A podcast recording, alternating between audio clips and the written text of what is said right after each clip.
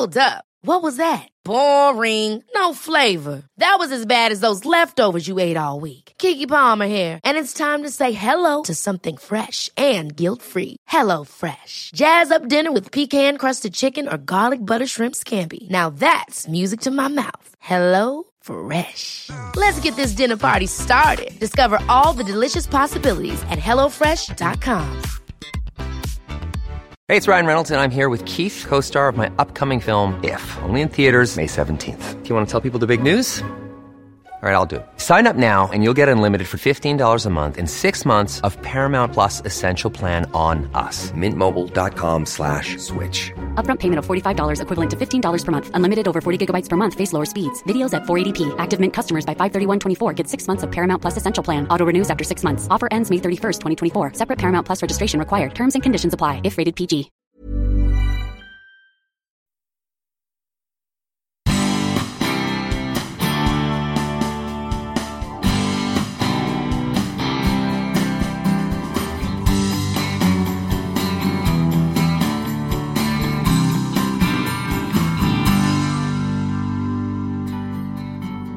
Borde vara väldigt, väldigt försiktiga med att kontrollera människor och utgångsförbud och tvinga dem i flera månader. Det om något borde vi vara väldigt försiktiga med och det borde tala för att vi inte alls borde stänga ner, inte så hårt som vissa har gjort i alla fall. Det stödjer försiktighetsprincipen också minst lika mycket beroende på vilka glasögon man har på sig. Och sådana argument som, som du sa här nu med, med ättestupan och dödsfall, allt det, det är klart att inte Stefan Löfven eller Tegnell eller någon annan har dödat folk. Det är ju dumheter på ren svenska. Långsamt kokande grot, grodan i samhällsgrytan. Långsamt så kokar vi, höjer lite grann temperaturen hela tiden och det som hade varit otänkbart innan. Det blir liksom så här, ja, ja, ja, okej, vi har böter för det vi gör där. Men ja, ja, vi kör väl på det. Och så börjar vi som kollektiv acceptera mer extrema saker hela tiden och märker inte till slut när det når 100 grader att vi kokar. För lite mer än två år sedan diskuterade Magnus Lindvall och jag poppsykologi i spännande möten. Ingen av oss hade kunnat drömma om att vi skulle träffas igen för att samtala om följderna av en pandemi. Men det är precis vad vi ska göra i det här avsnittet. Så hur ser en professor i hälsopsykologi på vad som händer när man låser in människor i lockdowns och tvinga dem att använda munskydd? Och hur har forskare, media och politiker skött sig egentligen? Och inte minst det som vi diskuterar just nu. Hur bra är covidpass och tvångsvaccinering egentligen? Som vanligt så får du en rejäl portion med tydliga åsikter kryddat med fantastiska liknelser av en av poddens mest populära gäster. En liten sak innan vi börjar. Numera kan du betygsätta poddar på Spotify. Det vore fantastiskt om du efter det här avsnittet bara studsar rakt in på Spotify och lämnar ditt omdöme. Tack! Men nog snackat. Här kommer Magnus Lindvall.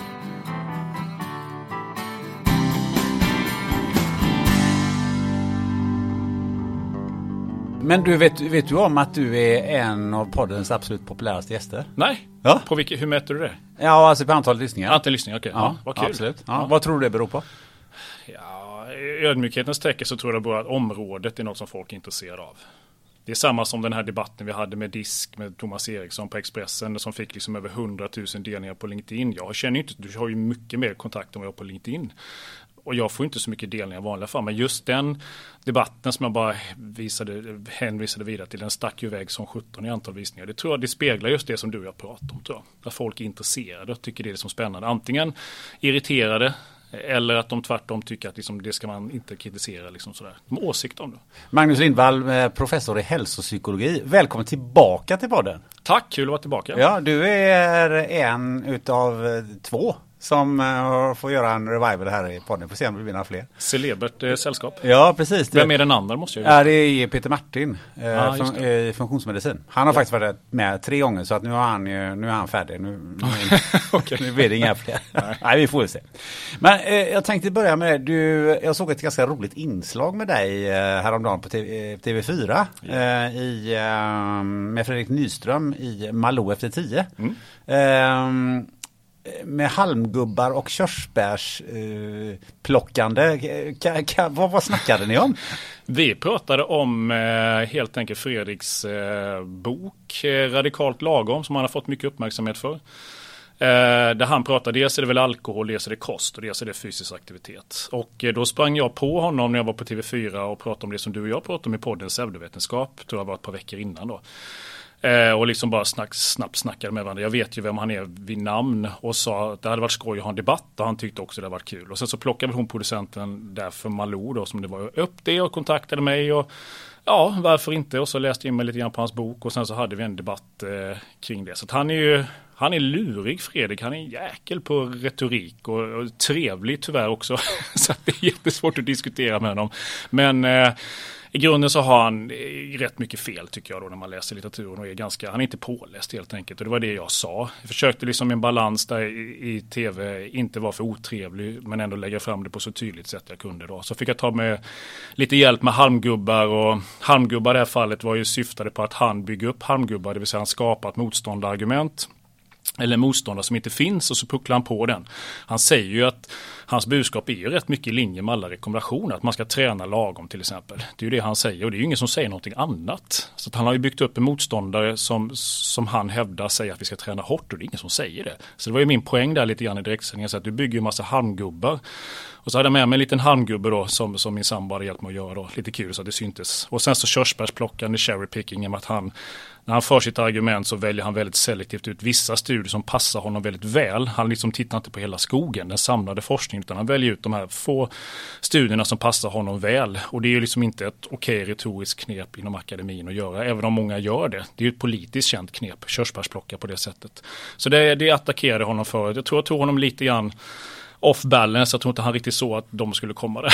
så var... Var fick du den idén ifrån? Nej men jag läste hans bok så kände vi då att vad är den huvudsakliga problemet här egentligen? Alltså vi, annars hade vi bara suttit där 17 minuter med Malou mellan oss och pratat massa tekniska termer och studier. Och det leder ju ingen vart när han säger att det finns ingen som säger det här. Jo det finns det. Det, det leder ju inget vart. Så tänkte jag måste hitta en ingång till vad är de stora problemen egentligen som jag ser det som.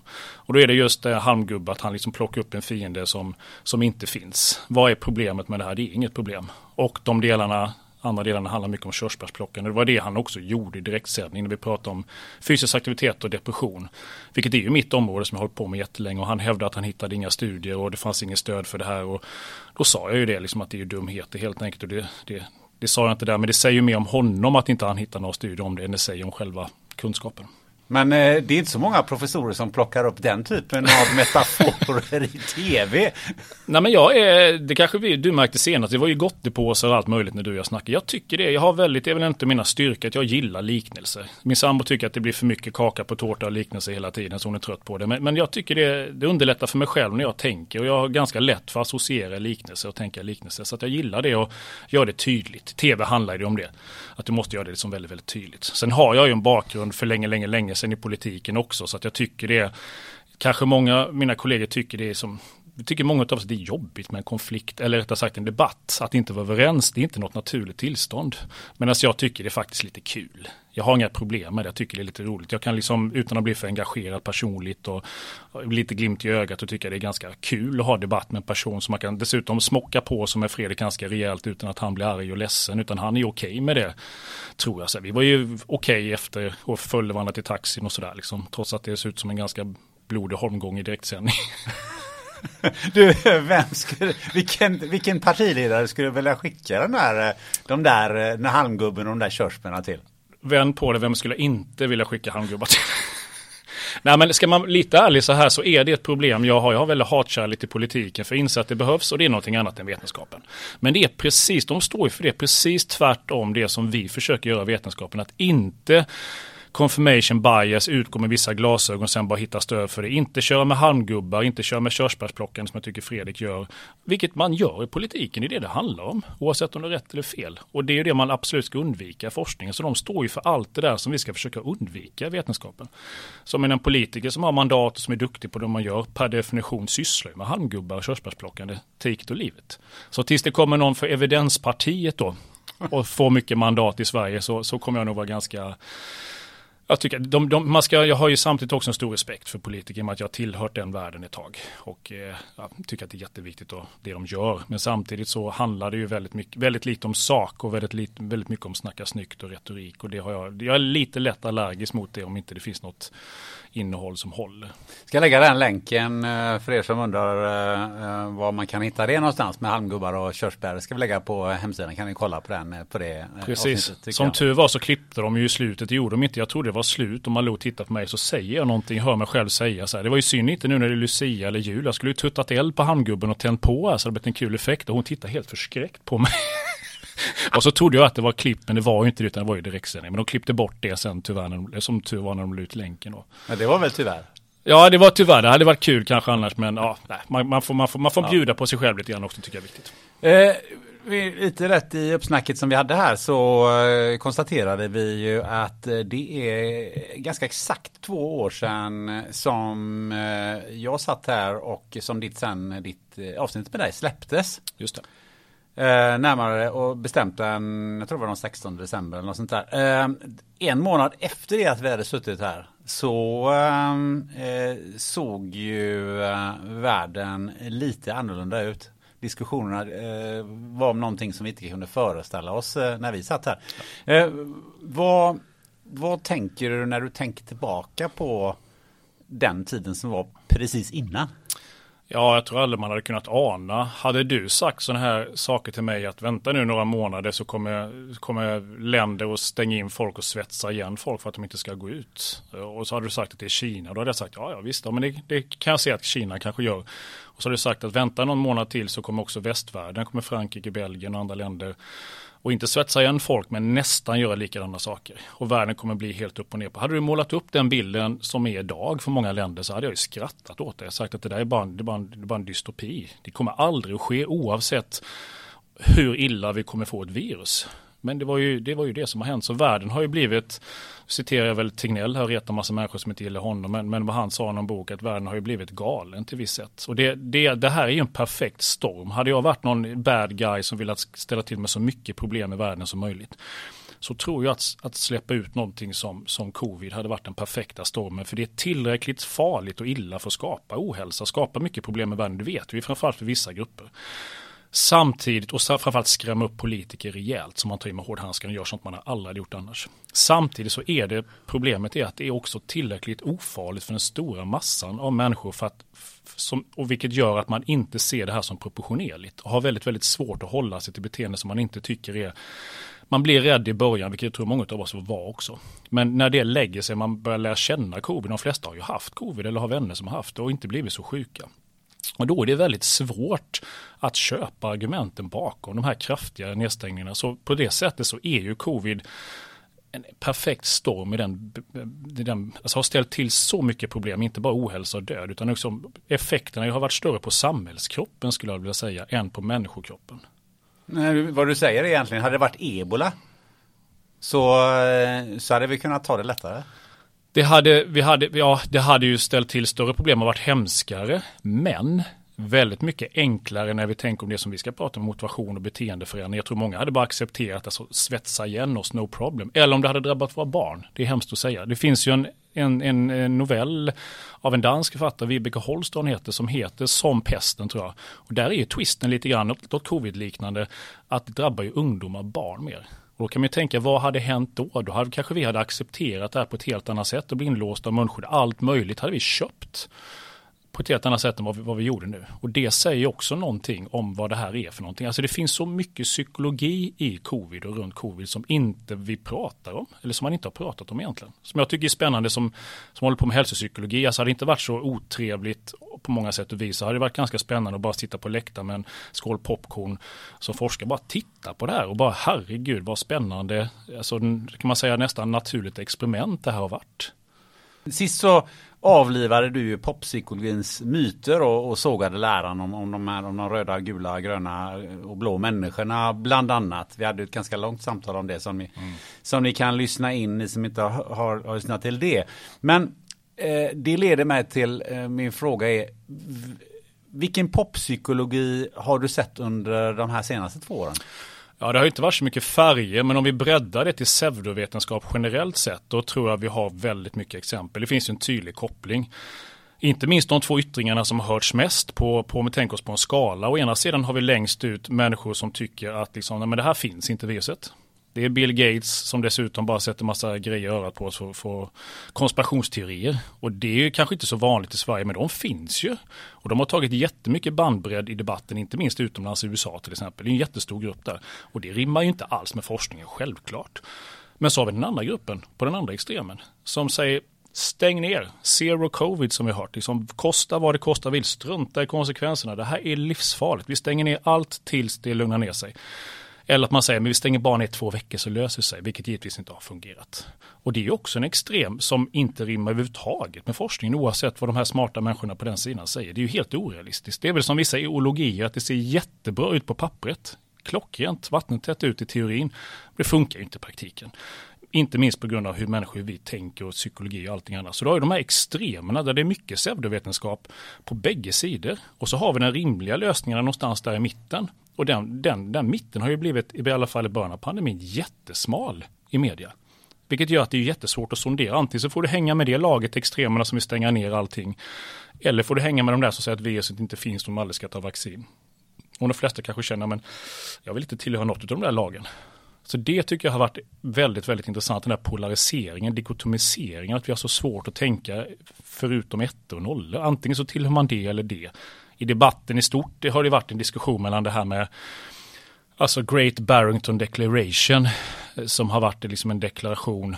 Först kan man säga så kom ju första vågen att vi skulle stänga ner allting. Man pratar om något som heter hammaren och dansen som, är, som var en ingenjör egentligen och marknadsförare som skrev blogg. Han hade ju ingen koll på psykologi eller smittspridning eller någonting. Och han bara skrev värsta scenario, det här illa.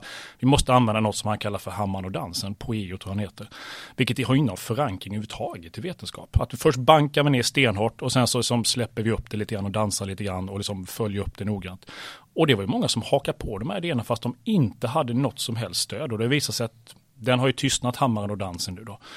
Så sådana här idéer kom ju väldigt, väldigt snabbt. Och sedan efter det så kom konspirationerna och det här med att viruset finns nog inte och så blåste det åt, åt två olika håll. Så det blir ju väldigt polariserat tidigt. Och vi har ju ändå haft det ganska lugnt i Sverige. Jag har ju varit med lite i debatten här, så visst 17 har det blåst och visst är det starka åsikter. Jag har ju också kollegor, ska inte säga nära till mig, men det finns ju folk inom akademin som, som tycker helt märkliga saker om du frågar mig. Det kan vi komma in på senare. Eh, men i USA har det varit helt galet när jag har följt det. Att jag har delat upp landet rakt igenom och blivit så politiserat. Det har det inte riktigt blivit i Sverige på samma sätt. Liksom. Så att vi har, ja, det har mycket spännande utifrån pseudovetenskap. Att man, först man har man en idé, en stark åsikt och sen cherrypickar man väldigt noggrant det man tycker stämmer. Och det blir liksom, finns ingen, inget mellanrum däremellan. Men varför blir det så? Ja, jag tror det är många anledningar, men en anledning, jag är väldigt intresserad av det här med cognitive bias som vi pratar om, de här, de här tankefällorna som gör att vi har svårt att tänka kritiskt. Och det gäller ju inte bara personer som inte har någon utbildning, utan det gäller ju liksom också personer som är extremt smarta eller har hög utbildning. Intelligensfällan finns någonting som heter att också de som är väldigt smarta har lätt att gå på sådana saker. Man får in en idé i skallen som man inte ens vet man får in. Och sen så sitter den där och då kommer man väldigt, väldigt noggrant att försöka försvara den idén och plocka noggrant de bitar av information som stämmer överens och väldigt noggrant ignorera allting annat. Och det tyckte jag så en tydlig tendens i Sverige att många personer som jag det här är jättesmarta, bra personer, verkligen bra vad nu det är, jag menar inte så, men smarta personer annars fastnade i idéer kring covid av någon anledning, att de själva blev rädda, att de blev känslomässigt väldigt engagerade, eller vad det nu var för någonting, eh, och fastnade i en åsikt som de sedan inte har kunnat släppa. Och det tycker jag är fascinerande, just det här med kognitiva bias, att vi har så svårt för kritiskt tänkande. Framförallt när vi blir känslomässigt engagerade, då tänker vi ettor och nollor. Liksom. Vi blir väldigt, man säger tribala, vi hänger på vår stam. Vi är sociala varelser liksom. Det är viktigare att jag är okej okay med min stam och håller med den, än att jag har liksom rätt vad nu rätt är, det, kan vi också, det ska man vara ödmjuk inför, vad som är rätt, vem som har gjort rätt här. Men, men det verkar som att varenda land, vi behöver inte hamna i den diskussionen, jag ska försöka att inte göra samma misstag som jag tror att tyvärr många experter har gjort. Att man har uttalat sig långt utanför sin egen kompetens. Och jag är inte smittskydds, jag kan inte virologi överhuvudtaget, men jag kan folkhälsa ganska väl, jag kan psykologi. Så att det där ska jag försöka hålla mig och uttala mig inom de här sakerna. Tyvärr har alldeles för många uttalat sig om, om det. Det är som att du och jag hade suttit och pratat om, liksom, vi börjar med motivation och beteendevetenskap som jag kan. Jag tror inte det är så smart som vi ska prata om att stänga in folk, få dem att känna sig kontrollerade, det kommer inte att funka. Baserat på det, där jag har täckning i forskningen, så uttalar jag mig sedan i slutet om liksom spikeproteinet baklänges. Dessutom så tror jag att spikeproteinet är fyrkantigt och man mår bra av att käka lösgodis. Då har du sagt, men nu sitter du bara killgissar. Du kan ju psykologi, men du kan ju inte spikeproteinet. Det är så jag har känt att vissa uttalar sig, att de kan sin virologi, säkerligen sådär.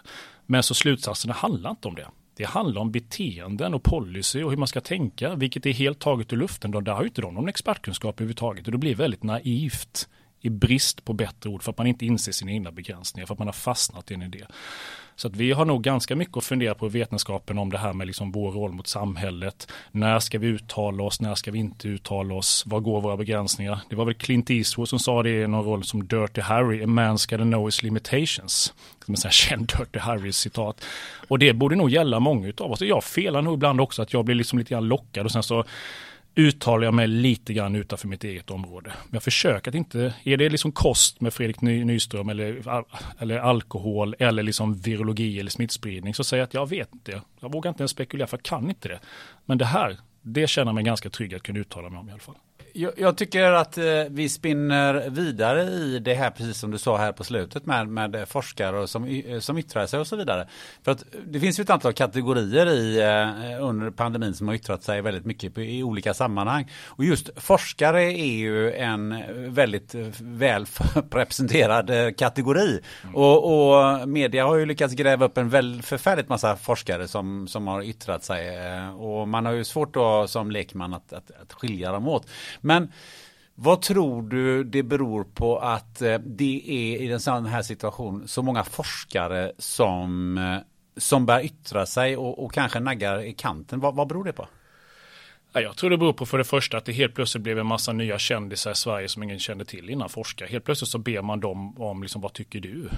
Och då har ingen har frågat dem innan kanske så mycket. Så det är klart att det är svårt att förhålla sig i det här. Sen tror jag också det att ganska få har lyckats hålla sig till någon slags liksom mer neutral, känsloneutral. Det här tror jag både och, eller jag vet inte, utan de, man har fastnat i en idé som man driver hårt och inte lyckats liksom se båda sidor. Så att jag tror det är svårt, och inte man ser sin egen, vi pratade om Dunning-Kruger-effekten förra gången jag för mig, den här inkompetensens dubbla förbannelse. Förklara den en gång till. Ja, det är just det här problemet är att liksom, om man inte vet så värst mycket om någonting, inte kan så mycket om någonting, så vet man ju heller inte att man inte kan. Man har liksom en, en, blind fläck för sin egen inkompetens. Det är ett känt uttryck och det använder jag ju oftast när det är poppsykologi. Jag tror det största problemet är att de här personerna kan inte, de är inte pålästa och därför så vet de inte heller att de inte är pålästa jag ska inte kasta Dunning-Kruger på, på, på forskare här, men jag, jag, tror att jag sett den tendensen också, att om man in, uttalar sig inom sitt eget område så har man oftast koll på det man vet och inte vet. Men så fort man lämnar det området så har man ju stora blinda fläckar. De kan inga, så de virologer som uttalar sig har ju väldigt dålig kunskap om psykologi och forskning. Varför skulle de kunna det? Jag kan ingenting om spikeprotein. Och då vet man inte heller allt det man inte vet, utan då slänger man ut sig så blir det liksom fakta, fakta, fakta, eller forskning i alla fall tills i slutet och då blir det åsikt och magkänsla istället. Och det blir det som också färgas i rubrikerna i tv. Så man har väldigt svårt att skilja på fakta och åsikt och där, där måste vi forskare vara bra på att liksom, nu säger jag, försöka ge en rimlig beskrivning av, det här säger forskningen, det här är så gott jag kan säga fakta. Men här stannar min fakta, eller det jag säger om forskningen. Nu, nu spekulerar jag, nu är det åsikter som jag säger resten. Men det är ju ganska konstigt att man som forskare kan halka dit på, på en sån sak. För forskare blir ju alltid granskade och ska de göra en avhandling så, så blir de ju ner på partikelnivå huruvida det är evidens eller inte och hur, huruvida man har gissat eller inte. Så de borde ju vara världsmästare på det där. Nej, det är inom deras eget område tror jag. Det är det vi är vana vid. Vi, vi, har ju knappast, vi har inte så mycket debatter som breda inom det vi håller på med. Men här är skillnaden, här blir vi ju experter eh, inbjudna till tv-soffan. Det var ett starkt läge i Sverige. Många var rädda och oroliga. Liksom, ont om tid, press på att leverera, ovan i tv eller mediasituationen också. Och en press på att komma fram med tydliga svar. Jag tror vissa, jag ska inte säga att alla gjorde det dåligt, många gjorde det jättebra, gör det fortfarande. Nyanserat, lugnt, vågar säga, det vet vi inte någonting om. Det vågar inte jag säga någonting om, det här kan jag. Men en hel del fastnade ju för det här och kanske slängt ur sig grejer som, liksom, ja, som man inte kan kan, kan riktigt, i alla fall som man inte kan förankra utav de som har velat stänga ner mest i Sverige som jag har haft lite debatt med.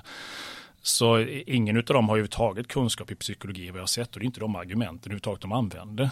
Eh, och hade de haft det så hade vi kunnat ha en debatt. Men nu blir det ju väldigt märkligt. Jag kan ju inte debattera om spikeprotein med dem för jag kan inte det.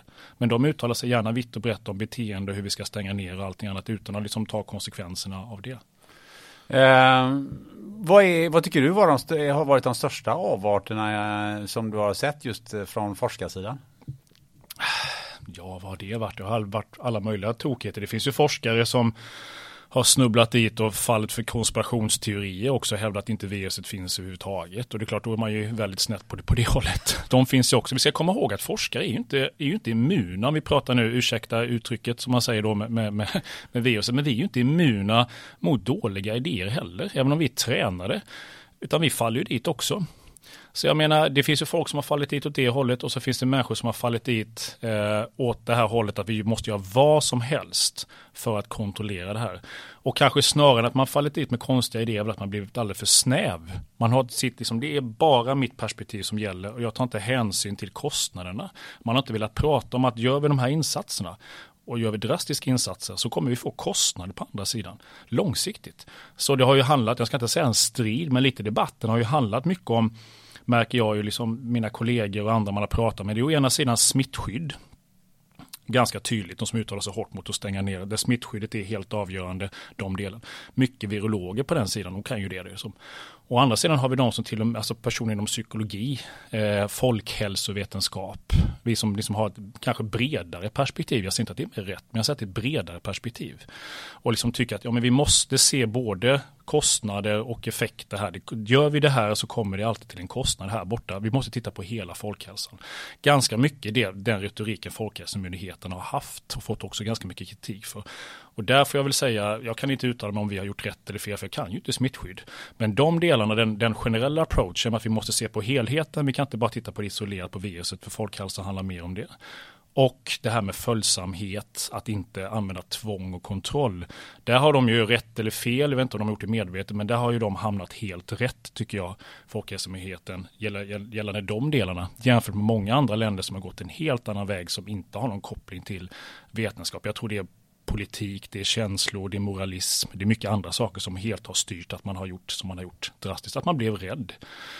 Gjorde som alla andra, följde flocken när alla andra stängde ner och vi blev livrädda. Och det är mänskligt, ska man komma ihåg. Men det ger ju konsekvenser. Men då kan man ju undra varför, varför blev inte vi livrädda här i Sverige? För vi gjorde precis annorlunda gentemot de flesta andra som du beskriver i det här sammanhanget. Stängde inte ner. Ja. Eh, eh, vad, vad är din reflektion kring det? Jag tycker det är spännande. Jag har läst lite olika böcker, och försöker läsa runt omkring. Johan Anderbergs bok Flocken tycker jag är intressant. Eh, som en slags ingång till liksom, varför blev det som det blev. Eh, jag vet inte, det kanske var en tillfällighet att det råkar vara de personerna som bestämde just då. Liksom, som Anders Tegnell har jag aldrig träffat, vet inte var han står. Eh, Johan Giesecke, de här som ändå målas ut i olika sammanhang och Johans bok också som liksom ganska alltså, viktiga i den rollen. Att de var personer som av olika anledningar höll emot det här. Eh, att det var, råkade vara på andra ställen, andra, andra delar i världen så var det inte mer tjänstemän eller forskare som tog det ansvaret, det var politiker. Danmark vad jag förstått så, och Norge tror jag också, så var väl Folkhälsomyndigheten ungefär ganska överens med svenska Folkhälsomyndigheten tror jag. Men det, de, de blev ju överkörda politiker. De sa ju det att de höll ju inte med i början. Och det var tror jag många länder också, liksom att jag har ju haft kollegor i Belgien som forskar på motivation och de höll ju inte, höll inte med att man skulle stänga ner, givetvis baserat på forskningen. Men det var inte de som bestämde, det var politiker som kom in och satte ner foten. Det som vissa kritiker mot Sveriges linje här har sagt att vi skulle gjort. Politiker skulle inte lyssna på experter. Skulle gått in, tagit i med hårdhandskarna, stängt ner, använt den så kallade försiktighetsprincipen. Och den kan vi diskutera, för den är också ett begrepp som blivit kraftigt misshandlat, tror jag. Jag måste bara flika in där, för jag läste en ganska intressant bok eh, eh för ett tag sedan om Karl XII. Mm. Eh, vad har nu han med detta att göra kan man ju undra. Men, men så här är det ju att eh, han var ju en, en despot, egentligen den största diktatorn vi har haft i Sverige. Mm. När han försvann så tog man faktiskt redan beslutet på 1720 eller 1719 om att politiker inte får lägga sig i myndigheters agerande.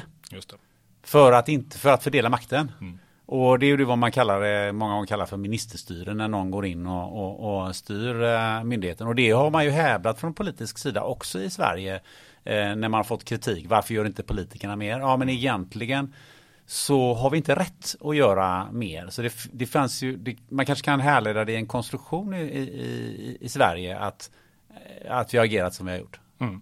Det är vissa som har hävdat att, att hade man gissat, hade du har gissat hur det skulle bli innan så hade man nog gissat snart tvärtom att Sverige med tanke på sin bakgrund hur vi har gjort med folkhälsofrågor och allting annat att vi har det finns ju anledning att tro att vi skulle varit ännu hårdare. Vi skulle varit de som gick hela vägen pekar med hela handen inte bli auktoritära på det sättet kanske men ändå var väldigt, väldigt tydliga. Medan vissa andra delar av, av, av, världen inte hade blivit så tydliga. Det var nog den, den gissningen vad jag har läst som många skulle tro. Så det är ju helt, det är ganska oväntat att det blev som det blev. Spännande men, men oväntat och som jag tycker nog ganska bra. Eh, jag är glad att jag bor i Sverige. Jag har ju rätt mycket kollegor och folk utomlands och hör ju hur det är där. Och eh, hade det visat sig att, nu ska vi ändå inte fastna i det där, för jag har ingen att debattera mot här, vem som har rätt och fel och jämföra länder och allt det där, för det är svårt.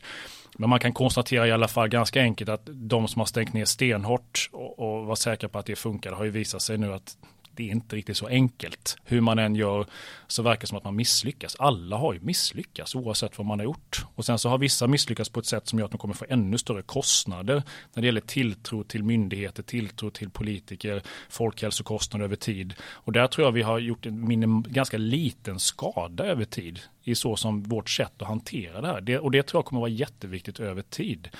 Det, det, tror jag är den, den stora skillnaden. Men alla har ju i grunden misslyckats för det här är så fruktansvärt svårt att hantera. Och på pappret ser det enkelt ut återigen.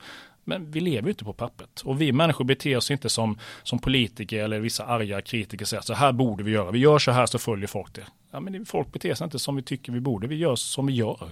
Då är det det psykologi handlar om. Så det är väldigt naivt att tro att alla ska använda munskydd. Det är inga kostnader förknippat med det. Det är jättemycket kostnader för folk. Det är obehagligt och obekvämt och liksom, om man inte köper argumenten bakom riktigt så är det inte konstigt att det är många som inte använder det. Att man liksom, jag tror kritikerna som tycker, som driver på mycket av det här att man ska ha tre, fyra munskydd på sig och till och med i USA när man är ute och joggar ska man ha munskydd. De utgår från sig själva. De är så bestämda och köper det här så mycket för dem är det så ideologiskt viktigt kanske också, eller man är rädd. För dem är det självklart de har så stark drivkraft att man kan ha munskydd på sig. Det är ingen kostnad för de förknippar med det. Men de glömmer att den stora merparten, åtminstone i Sverige, har ju inte de här starka drivkrafterna. De är inte livrädda idag. Inte efter två eller tre doser, eh, doser vaccin. De är inte ideologiskt övertygade att Sverige har gjort helt fel. De är inte förbannade och skriver debattartiklar som de här personerna gör. De har inte de drivkrafterna. Och då är det jättesvårt i vardagen att följa de här enkla sakerna för att de är så onaturliga i grunden. Att ha munskydd, hålla avstånd, allt det här, det går mot mycket av det vi är vana vid. Så det är en stor kostnad förknippad med det och det tror jag man får komma ihåg. Annars blir det en väldigt, väldigt naiv och konstig diskussion. Och det har jag, de, de, de, de argumenten har jag inte sett från andra sidan. Jag hade gärna velat ha en debatt det kommer vi kanske in på senare, men det blir ju ganska hetsk stämning på sociala medier ett tag. Jag hamnade lite grann, det var ett, ett, ett storm i vattenglas sådär, men som fick de här kritikerna mot mig på sociala medier. Och det var ju väldigt högrösta, högljudda röster. Och eh, det var ju lite grann känslan var ju det. Jag tänkte ju så här, men jag vill ta gärna en diskussion om min Aftonbladsartikel där jag föreslår att vi ska nog inte stänga ner. Det är dumt att kontrollera och tvinga människor. Det var ungefär det jag sa, för det kommer inte funka längre. Och de kommentarerna jag fick på nätet, jag försökte hålla emot och ändå vara intresserad och argumentera tillbaka. Och liksom jag förstod att det här går inte, för det, är helt, det, är såna, det var inget sakargument alls. Om du tänker det så här, om du ska spela tennis mot någon, en främling, det blir liknelsen väldigt kort. Ja, du kommer ner, du värmer upp och du har aldrig träffat personen innan och du ska serva första gången. Personen ställer sig på andra sidan. Du slänger upp bollen, träffar den, bollen flyger över nätet. Personen bara slänger sitt rack, plockar upp bollen, stoppar den i fickan, hoppar över nätet, springer fram till dig och ger dig fingret och säger där fick jag dig! Då är du så här, va? Jag trodde vi, du, du ska ju slå tillbaka boll, jag förstår ingenting. Så kände jag med den här debatten. Det var som folk som inte följde någon slags spelregler överhuvudtaget och hade inga sakargument utan bara, det var ju inte hot, det var inte på den nivån alls. Inte så som vissa fick utstå, men jag inser att det här, det här går ju inte att hålla ett argument med vissa personer som redan har bestämt sig, som dessutom är helt oinsatta, oinsatta i området. Hade någon sagt så här, jag har läst på i psykologi det här, jag tror att vi kan prata om det här, jag tror inte riktigt du har tolkat det här rätt. Det hade varit jättespännande, det fanns ju inte några sådana argument alls. Och de som kan psykologisk forskning, de liksom var, det var golfapplåder för mig, de var så här, Ja, det är helt odramatiskt det här Magnus. Vi håller med dig, men what's the fuss about? Det är klart att det här är ju självklart för oss som kan psykologi. Du ska inte ha så mycket klapp i axeln för det här för att du säger det uppenbara. Så att det, fanns ju nästa, det har inte funnits någon i kritikerna av det här som kan psykologi nästan överhuvudtaget. För att det är så självklart.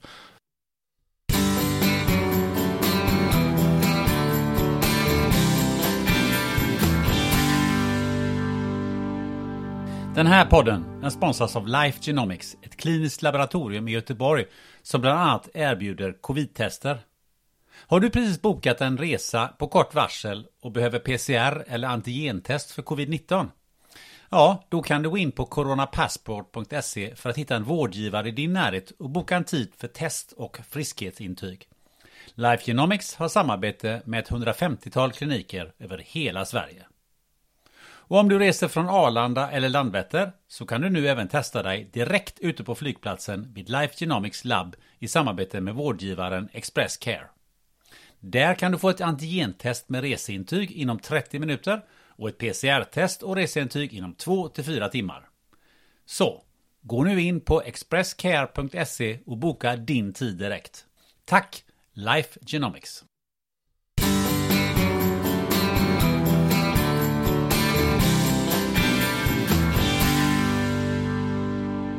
Du, du nämnde den eh, försiktighetsprincipen och misshandeln av den. Och då blev jag ju lite intresserad in, eh, innan min utvikning i Karl XIIs eh, död. Men vad, på vad sätt har den blivit misshandlad?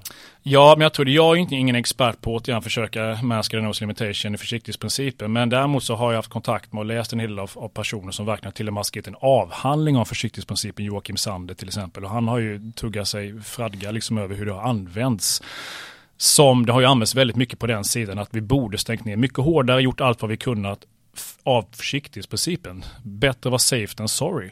Men den principen är ju inte något stöd i grunden till att vi ska stänga ner. Den säger ju bara liksom att, ja, den säger bara att försiktighetsprincipen kan ju användas åt bägge hållen. Om du säger det att vi ska använda den för att stänga ner så kan man ju lika gärna använda det från andra hållet och säga försiktighetsprincipen. Om något så säger den att vi skulle följa planerna som vi hade innan covid. Eh, det var ingen som sa att vi skulle stänga ner, svetsa igen folk eller utgångsförbud då. Vi borde vara väldigt, väldigt försiktiga med att kontrollera människor och utgångsförbud och tvinga dem i flera månader. Det om något borde vi vara väldigt försiktiga med och det borde tala för att vi inte alls borde stänga ner, inte så hårt som vissa har gjort i alla fall. Det stödjer försiktighetsprincipen också minst lika mycket beroende på vilka glasögon man har på sig. Men det kommer ju nästan aldrig fram i debatten utan den bara används för den sidan och de bara lutar sig lite löst mot någon slags försiktighetsprincip. Vi ju, för när du och jag sitter här Gunnar så är vi ju den här tiden nu igen eh, faktiskt. Det är restriktioner som kom igår igen. Det börjar liksom blåsa snålare vindar, vi vet inte vad som händer med omikron och allting. Det är kanske samma debatt som kommer här om ett par veckor eller januari igen. Med högljudda röster som säger samma sak. Försiktighetsprincipen, nu ska vi inte göra samma misstag som vi har gjort, så att vi får 15 000 döda igen. Här gäller det verkligen att vara safe and sorry. Men den, den dörren svänger åt andra hållet också. Det vi gör nu, det kostar ju någonting jättemycket framöver också. Vi måste alltid väga för och nackdelar. Och det är det jag tänker med att till exempel återigen Martin Kulldorff som är den här kända forskaren då svensken som har, har, ligger bakom The Great Barrington Declaration som vi pratade om innan. Vad de menar ju helt enkelt är att vi ska nog vara försiktiga med att stänga ner hela världen för det ger också folkhälsokostnader över tid. Sen jag är inte så säker, jag har inte skrivit på den deklarationen för att annars får du en massa hatmejl. För det är ju så, det är satansverserna för viss, i vissas ögon. Liksom. Han är ju djävulen själv i många ögon som är arga på Sveriges linje, Martin Kulldorff. Jag tycker han är ganska vettiga. Läser man declaration så tycker jag det är ganska vettiga åsikter. Vi måste fokusera på flera delar av folkhälsan, skydda de verkligen som vi ska skydda och de som, som inte är risk, de kan vi liksom låta leva som vanligt. Jag är inte så säker på den sista att det hade blivit så bra kanske. Jag tror nog vi, jag är lite mer moderat i mitten än vad, vad han är. Men jag tycker i grunden det är inte satansverserna. Det är bara liksom, jag tycker att de lägger, ligger närmare något vettigt än de här zero covid-människorna som inte har några argument psykologiskt överhuvudtaget. Så att det är lätt att man liksom så polariserar i det här också. Det blir extremt, extremt, extremt istället för mitten. Men eh, nu har vi pratat om eh, ordet nedstängning ett antal gånger och det, det har ju varit en central eh, del i eh, det vi har upplevt eh, under de här två åren. Eh, men vad innebär egentligen en sån nedstängning för eh, människor rent eh, psykologiskt? Det det är ju en jättebra fråga och det beror ju på, nu får du det där tråkiga äh, eh, forskarsvaret. För det tror jag också är viktigt att man har ju liksom inte riktigt definierat vad nedstängning har ju varit jättemycket olika saker. Ända ifrån liksom, du vet, Kina, extremen svetsar igen till ganska extrema saker i västvärlden med utgångsförbud, man jagar folk som är ute och joggar utan munskydd och allt möjligt. Till att man har lite mer måttliga nedstängningar som är mer upplevs mer som frivilliga. I Sverige har vi ju, skulle vissa hävda, haft absolut någon slags nedstängning tycker jag. Det skulle vissa hävda också förra året. Men den var, det viktiga är att den var baserad på någon slags ändå frivillighet och valfrihet och gick inte in i vardagen så mycket på de flesta av oss. Vi kunde liksom gå utanför dörren och kunde gå ut och rasta hunden tre gånger eller sju gånger utan att någon gav oss böter. Vi kunde gå och handla liksom och sådär. Det tror jag är den stora skillnaden hur det påverkar människor. Eh, på vilket sätt påverkar den valfrihet och frivillighet och känslan av att, liksom, att man blir begränsad i vardagen. Där hade ju inte vi riktigt de typerna av restriktioner i Sverige, har inte haft det heller. Och då tror jag inte alls att det är så problematiskt med nedstängning. Det slår ju på ekonomin och slår på massa saker som inte jag kan uttala mig om sådär säkerligen och gör att det är tråkigt att unga människor om inte annat, liksom, det här är ju en generation som har levt under väldigt speciella, som har blivit instängda under två två år liksom. Det påverkar ju våra studenter, det märker jag ju inte annat som inte får träffas. Och de är jätteglada nu när de har fått komma tillbaka och träffas. De är som kalvar på grönbete, det är fantastiskt kul för oss föreläsare att träffa dem. Det påverkar dem ju jättemycket också. Så det beror ju på återigen hur hårt och vad gör man egentligen? Man kan ju säkerligen stänga ner på ett sätt som inte ger de här långsiktiga svåra kostnaderna på allt det som vi pratar om folkhälsomässigt. Om man gör det på ett sätt så att folk köper, majoriteten köper argumenten bakom. Det tror jag är helt avgörande. Två, att inte begränsa vår liksom vardag allt för mycket. Vi kan gå ut och gå och röra på oss och vi har liksom inte folk som kontrollerar oss och ger oss böter. Där har du de stora problemen. Det är en helt annan typ av nedstängning när man går så långt. Men varför skapar den nedstängningen de problemen och den kostnaden som du pratar om? För att vi i grunden, alltså den här, det har hållit på mycket med senaste åren handlar om motivation. Skrev en bok som heter Motivationsrevolutionen med Olof Frölander som kom ut förra året mitt under pandemin. Det var ju dålig timing. eller, bra, eller, inte. Eller, eller, inte, eller bra timing beror på hur man ser det. Men den handlar just om det här med hållbart beteende och en av nycklarna i den teorin handlar just om att vi tycker väldigt illa. Vi har väldigt svårt, vi människor, för att uppleva att vi är kontrollerade av någon annan. Att känna att vi är marionettdockor. Att inte vi har liksom autonomi, valfrihet, frivillighet i vardagen. Och det är det de här nedstängningarna tror jag trycker just så kraftigt på de här knapparna. Framförallt över tid. Kortsiktigt säger den här teorin är det inga problem att använda piska och morot. Eller problem kan det vara, men det kan funka om vi gör det väldigt kortsiktigt och begränsat. Nu stänger vi in oss, det är liksom något livsfarligt virus som drabbar barn, ungdomar och gamla på gatan. Två veckor, alla bara yes om man köper det. Då funkar piska mot. Men under de här premisserna som covid har varit, början kanske i mars när ingen visste vad det här var, att man köpte det också i Sverige lite mer, att nu gäller det, då skulle man kanske till och med kunnat använda lite hårdare tag i början tror jag. Om inte det höll på. Men det fanns ju, finns ju inte nedstängning i hela världen som har hållit på de här två veckorna som kritikerna säger. Vi stänger bara ner hårt i början. Vi bankar med hammaren, sen släpper vi lös. Den där hammaren har inte bankat i två veckor. När du väl börjar banka, då bankar den i två, tre, fyra, fem, sex, alltså nio, tio månader i ett år. För att du måste göra det. För ingen vågar politiskt dra tillbaka hammaren sen. Och då har du ett problem och då har du problem med långsiktigheten och hållbarheten. Man kan sammanfatta problemen med nedstängningar på det här sättet med tre saker. RIS, ett akronym. Det är resurskrävande, är jäkligt resurskrävande att ha ett samhälle som ska kontrollera och övervaka. Två, det är ineffektivt i grunden. Om det handlar om att vi vill ha hållbara beteenden, håll i, håll ut har vi hört. Är det det som är målet så är det oerhört ineffektivt över tid. Då har vi gott om stöd för många olika typer av studier runt omkring, inte just covid men mycket annat. Och vad är det kvar då? RIS, skadligt. Människor som lever i ett system där man upplever sig så kontrollerade mår sämre över tid. Det vet vi också jättemycket från olika typer av studier i många olika områden. Så resurskrävande, ineffektivt och skadligt. Och det är tre ganska allvarliga konsekvenser, kostnader av sådana här system. Men det förutsätter då att människor känner sig kontrollerade. Och det gör vi ju ganska snabbt. Om man tänker på hur världen har ändrat sig. Men hur yttrar sig den skadligheten? Ja, men att, att människor liksom, ja, dels alltså ineffektiviteten handlar ju om att människor liksom bara blir ögontjänare. Man har på sig, jag har ju hört, man har ju hört jättemycket anekdoter från personer utomlands som berättar, men munskydd, det har man minsann krav, det funkar utomlands och bara skrattar de åt den. När man säger det, vadå funkar sig de? Personer tar på sig det här munskyddet som de har slängande i fickan och så tar de på sig det precis när det kommer någon vakt, om man har nu böter och sådär. Jag hade en kollega eller en kompis som var i Ryssland, i Moskva och gjorde lite grejer där han sa det. Folk hade all munskyddet i, i, i bakfickan, tar på sig det precis när man kommer upp där vakten ser en Sen drar man ner det igen. Och det är de, det är de historier man hört överallt. Man blir ögonkännare, man försöker hitta led, genvägar runt det. Eh, så att det, det, funkar ju liksom inte. Och man gör det i, i protest. Man kommer liksom till slut inte göra det alls. Men jag tänker just på det skadliga. Vad är ja, det, som är var, varför mår man dåligt av det här? Nej men vi, det är liksom en sån här grundläggande psykologisk del att vi har liksom ett psykologiskt behov av att känna valfrihet och frivillighet. Att vi sitter i förarsätet i vårt eget liv, att ingen annan kontrollerar oss. Det finns ju variation, vissa tycker värre om det än andra. Men det är här grundläggande psykologisk att får vi inte det tillfredsställt, det behovet av autonomi som det heter den här, i den här teorin, så mår vi då, kommer vi må dåligt. Vad är må dåligt? Vad, vad händer? Nej men liksom att du blir liksom stressad, eh, nedstämd, depression, alltså psykisk ohälsa överlag. Vi mår inte bra helt enkelt. Eh, och det det, det är säkerligen jag har inte sett någon speciell studie på det, men det är ju det som kommer komma nu. Inte så mycket i Sverige tror jag, där man inte sett så tydliga exempel på den psykiska ohälsan ökat. Inte, jag, har, jag har inte sett det. Men i alla fall i många andra länder kommer det tydliga studier på barn och ungdomars psykiska ohälsa, allt det här liksom som, som kommer nu som en lavin efter det här då, som är konsekvenserna av att och jag menar, en sak en sak, vi har inte ens pratat om det. är ju liksom, ja men det är ju våld i hemmet eh, mot barn och kvinnor. Alltså vi kan ju prata om allt det där som blir konsekvensen av att man stänger in människor du inte får gå ut liksom. Eh, det, det, det, är ju nästan inte så att det inte ens rocket science att prata om det, utan man kan man räkna ut att det där blir problem. Vad är det han, du har intervjuat han också, Mattias Göransson. Mm. Vad är det hans favorituttryckprogram? Man kan re, man räkna ut med, med röva och krita. Ja, det, att precis. det skulle bli problem. Så, så det behöver man nästan inte ha forskning för att det där har du jättelika konsekvenser. Men det, det handlar om psykisk ohälsa över tid. Liksom. Och framförallt återigen, inte, inte två dagar.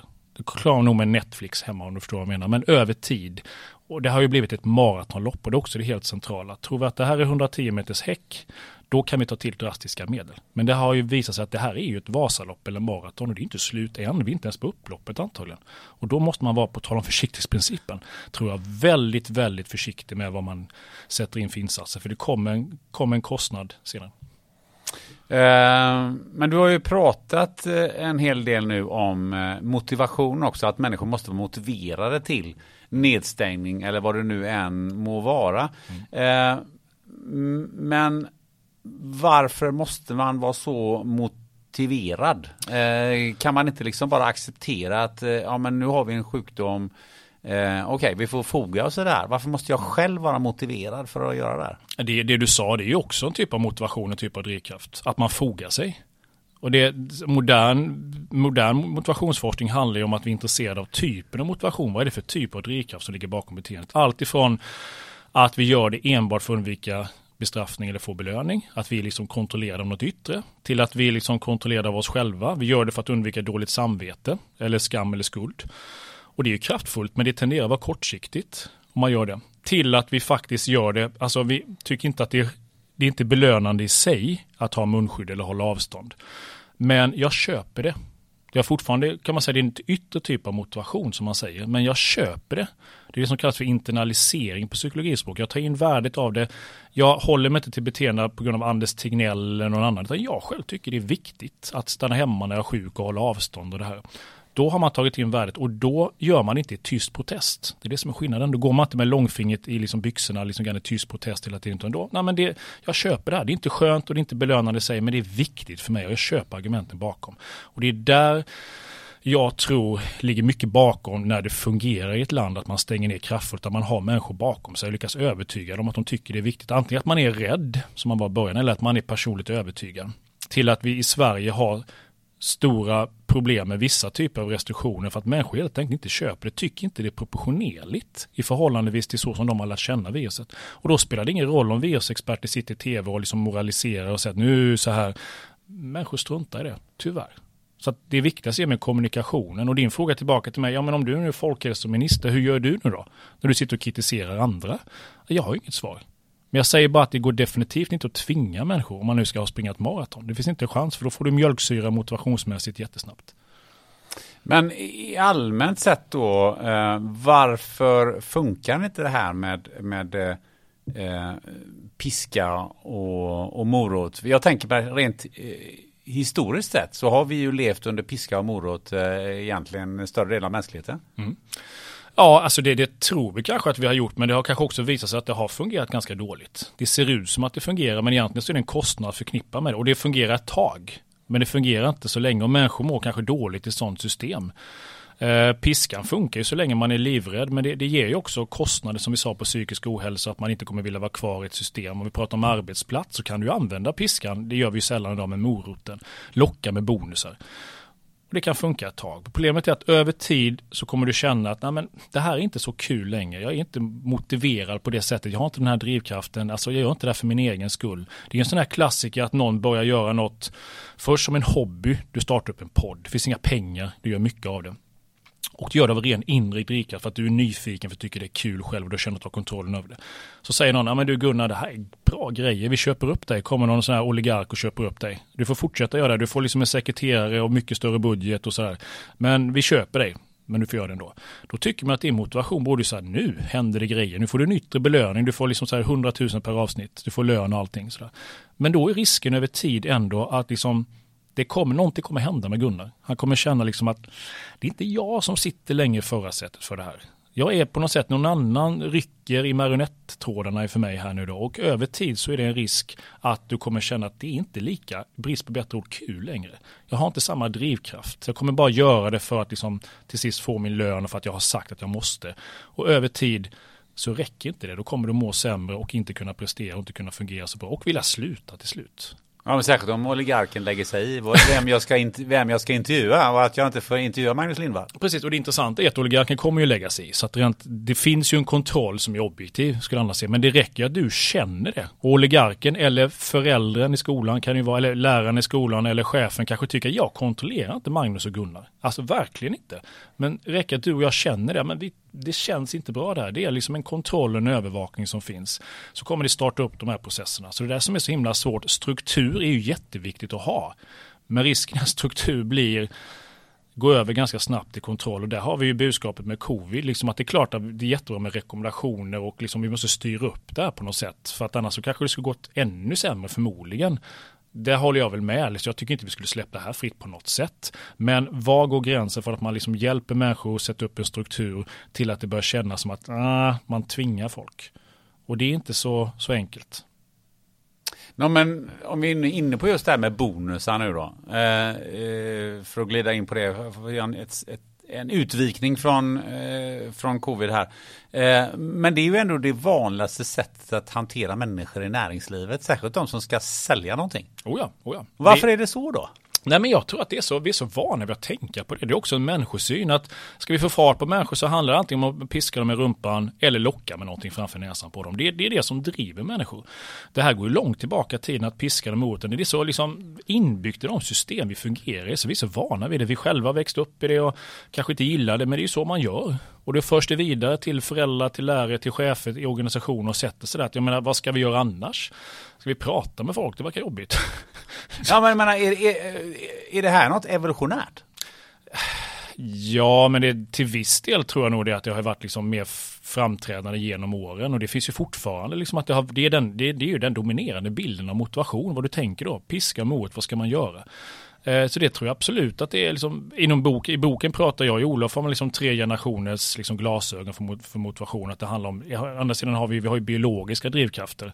Äta och sova, vi behöver det grundläggande för att funka. Och det finns ju fortfarande idag. Och så har vi piskan och moroten 2.0 kan vi säga. Och så har vi 3.0, de här nya motivationsteorierna med valfrihet, frivillighet, grundläggande psykologiska behov, att känna liksom att jag sitter i förarsätet, ta in värdet av beteendet och allt det där som vi nu vet, 50 års forskning som den här teorin självbestämmande självbestämmande teorin håller på nu har så jättemycket stöd för att det här funkar liksom i, det är inte lätt, det är det som är problemet med piska mot varför vi använder det. Om jag går tillbaka till det, för att det verkar funka. För att det verkar funka i stunden. Det är enkelt att ta till, det signalerar att du är tydlig som chef eller som förälder, du pekar med hela handen, du gör någonting, eller politiker, handlingskraft. Och det verkar som att det funkar i stunden. Så att det är ju som en lite grann alltså honungsfälla på det sättet, så lätt att falla tillbaka till det. Mots, motsvarigheten det här som vi pratar om med långsiktigheten och hållbarheten handlar om att man måste faktiskt förstå sig på människor. Förstå sig på anställda, sina barn. Hur, har, hur ser de saker och ting? Prata med dem. Sätta sig i deras skor. Liksom, hjälpa dem att sätta upp en struktur. Det, det tar ju tid och det är ju svårt ibland. Men alltså långsiktigt så är det ju överlägsen bäst impact om man har den tiden.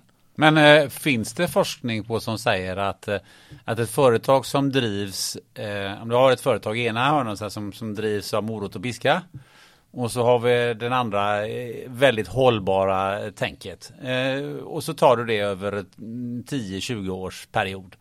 Finns det sådana jämförelser där man kan säga att ja, de här tjänade dubbelt så mycket jämfört med de här? Nej. En sån studie hade jag gärna velat se. det hade varit spännande. En sån, sån, sån studie hade ju varit intressant att se och det finns ju inte en sån direkt jämförelse. Precis på samma sätt som det finns ju ingen stor gigantisk studie där man har tittat på liksom jämförd kontroll, morot och piska när det gäller covid och det andra sättet det finns ju inte heller någon sån studie. Utan det här baserar man ju på liksom principerna bakom och de finns ju testade i skolan, i arbetslivet, inom idrotten, i sjukvården. Alltså alla grundpremisserna som vi har pratat om har man ju jättemycket stöd. Däremot den direkta jämförelsen och dessutom ger den effekt på sista, vad man kallar det, sista raden. Liksom i slutändan. Någon sån studie finns ju inte utan liksom man får ta principerna bakom och de är ju stabila. Att det här borde fungera. Sen är det så att verkligheten läcker ju. Det är inte alltid man har en perfekt karta så lägger man det på verkligheten så blir det perfekt. Utan det finns också andra saker som påverkar det här förutom motivation givetvis. Så man kan inte säga till den företagsledaren som driver morot och piska företaget att eh, du, du skulle nog tjäna mer pengar på om du skulle göra på det andra sättet. Jo, det kan man säga. Du skulle nog. Ja, men det skulle... Högst sannolikt skulle du, du, kan, göra det. Men du kan, det finns inget bevis för det. Det finns inte något hårdkokt vetenskapligt bevis på just det. Däremot kan du säga att högst sannolikt så skulle du få alla de här plusgrejerna om du börjar om du, om du lyckas få det att funka. För det handlar ju också om att man ska kunna få det att funka. Att bara, liksom, bara tanken förändrar ingenting. Det är som fysisk aktivitet. Eh, att vissa hävdar att det, det, det har ingen effekt för att det är så svårt att få folk att ändra beteende. Ja men det är ju inte ett argument för att inte fysisk aktivitet i sig funkar bara för att det är svårt. Det är samma sak här. Får det funka så med högsta sannolikhet så kommer du få massa plus på den sidan. Om det sen kokar ner till sista raden största sannolikhet gör det också. How would you like to look five years younger? In a clinical study, people that had volume added with Juvederm Voluma XC in the cheeks perceived themselves as looking five years younger at six months after treatment. Look younger, feel like you. Add volume for lift and contour in the cheeks with Juvederm Voluma XC. Reverse signs of aging by adding volume to smooth laugh lines with Juvederm Volure XC.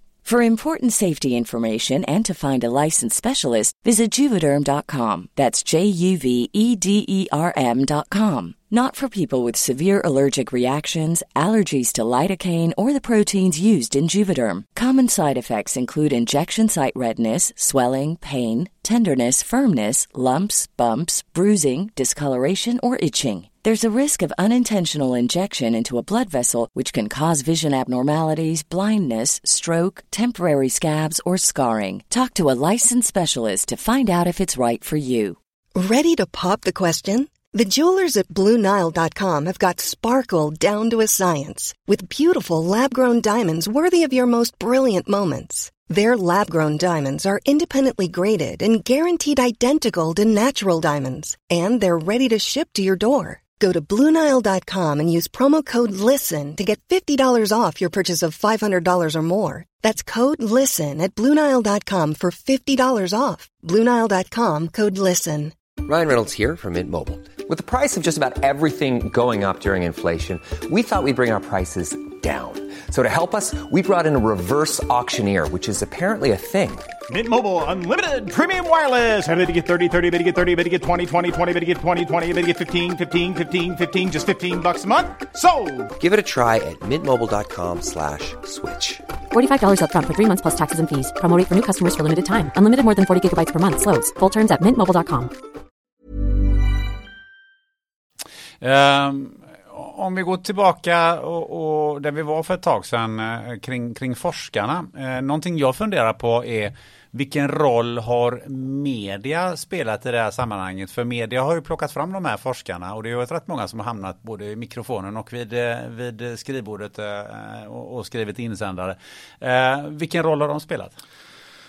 Ja, det går väl inte att säga någonting annat än att de säkerligen har spelat en stor roll. För det är det vi blir exponerade för. Eh, de här dagliga presskonferenserna och, och de som har suttit i media och pratat. Och där har väl kanske media eh, inte varit så särskilt bra på att kunna visa en, en liksom både och bild. Ibland gör ju media, tycker jag, det felet att man, man har en person som pratar om till exempel fysisk aktivitet. Det var jättemycket bevis för att det påverkar någonting. Och så måste man bara av ren journalistisk anda också få in någon som säger att det här är dumheter, fysisk aktivitet hjälper inte alls för någon slags jämlik, jag vet inte vad det handlar om egentligen.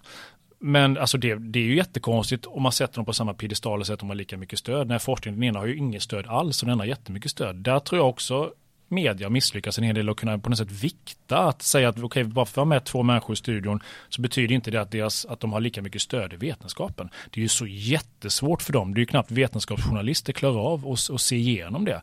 Att alla idéer har ju inte lika mycket rimlighet och stöd jag är ledsen, det är inte så i vetenskapen. Så att å ena sidan har man väl misslyckats att på något sätt ge en balanserad bild ibland. Att vissa har fått, fått liksom uttrycka åsikter utan att de har liksom, man har ifrågasatt deras åsikter på det sättet. Å andra sidan när man haft två, liksom, å ena sidan och å andra sidan så har man kanske misslyckats att nyansera det med en tredje part som har sagt att okej, okay, som det ser ut här nu så har ju, vi har ju väldigt mycket mer stöd för det här än det som, det som person X säger här borta. Men det är ju svårt, alltså det är, det är som du och jag pratar med pseudovetenskap, hur svårt det är att se igenom poppsykologi. Du får i princip vara nästan disputerad forskare, höll jag på att säga, för att kunna se igenom det. Och det är samma sak för media här, det är ju vansinnigt svårt. Plus att det har ju blivit de vetenskapsjournalister som har försökt hålla fanan högt och liksom ge en nyanserad bild. Så här, liksom, det, de har ju inte haft det lätt i pandemin, det har ju blivit jättetufft klimat där ute. Så att jag kan förstå att man liksom värjer sig lite grann för liksom för det här också. De är inte mer än människor liksom. Men hur, hur tycker du att media har skött sig då? Både och skulle jag vilja säga. I början kanske att man har gått lite för hårt på det spåret som var just eh, med liksom den där liksom paniken i början och liksom att vi måste göra det här och liksom skräckscenariot och, och och man kanske liksom misslyckades lite med att liksom vänta nu. Det finns kanske ett annat perspektiv här som vi ska lyfta upp också. Vad händer om vi gör de här sakerna? Vad får det för konsekvenser långsiktigt? Och det, det är inte bara virus. Nu talar jag i egenskap av forskarpsykologi att jag tycker det är lite synd att man har släppt fram. Jag behöver inte sitta med det, det tycker jag är onödigt att jag gör det. Men något av mina kollegor, där har de varit för dålig på att släppa fram andra perspektiv, tycker jag och nyansera bilden på, på det sättet och kanske också ifrågasätta, fast det här är överkurs, men vad jag hade velat se, liksom, okay, Gunnar, du, är, du, du kan psykologi här nu då. Det är det du säger. Du, sitter, du pratar om hållbarhet och motivation och allting. Men du sa i slutet också någonting om spikeproteinet. Det är väl inte ditt, det kan väl inte du? Eller tvärtom, en virolog sitter och säger, du, nu, du, nu sitter du och pratar slutet om att vi ska stänga ner och hur människor ska bete sig. Kan du det? Det är väl inte ditt forskningsfält? En sån fråga hade jag gärna velat se att media mer liksom, var går ditt kompetens? Hur långt sträcker sig ditt kompetensspektra? Hur mycket av det är vetenskap? Hur mycket av det är åsikter, det du säger? En sån debatt, och det kostar ju två sekunder att säga. Det blir obehagligt för den forskaren som sitter där. Det hade jag velat se i debatten mer.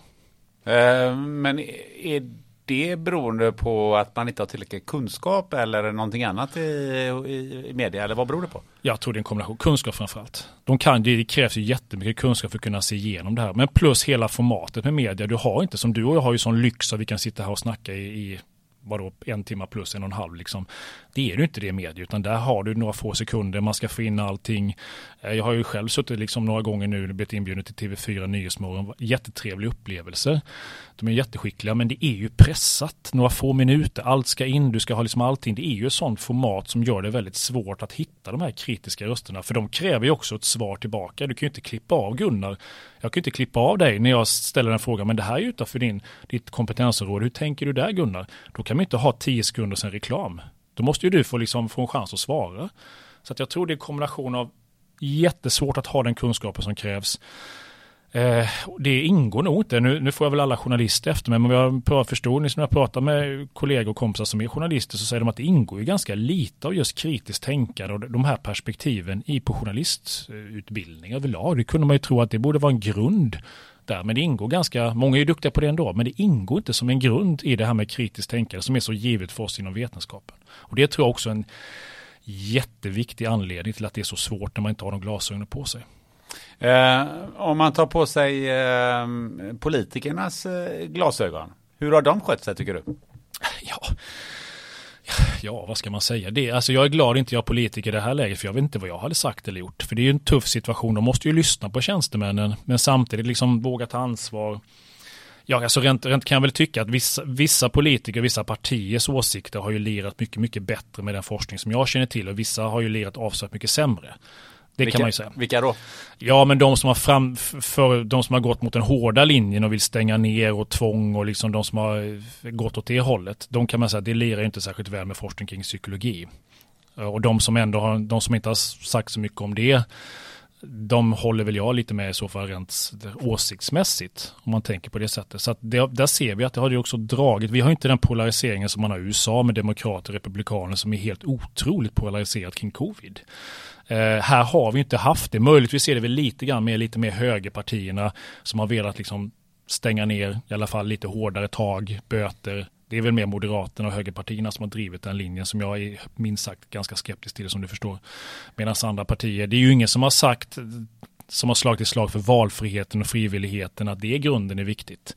Så det här har väl vänt, vänt upp, om jag tar på mig liksom lite grann killgissnings spekulationsglasögonen nu då, så har ju det väl vänt upp och ner den politiska kartan i Sverige och utomlands också, framförallt i Sverige, att de som man trodde skulle hålla friheten som valfrihet och individens rättigheters fana högt i det här har väl snarare väldigt mycket gått åt andra hållet. Och de som man tänkte skulle liksom vara med för nedstängningar, kollektivet och allt det där, har väl om något, liksom om de, ja, tysta i alla fall, har de väl varit neutrala i det här.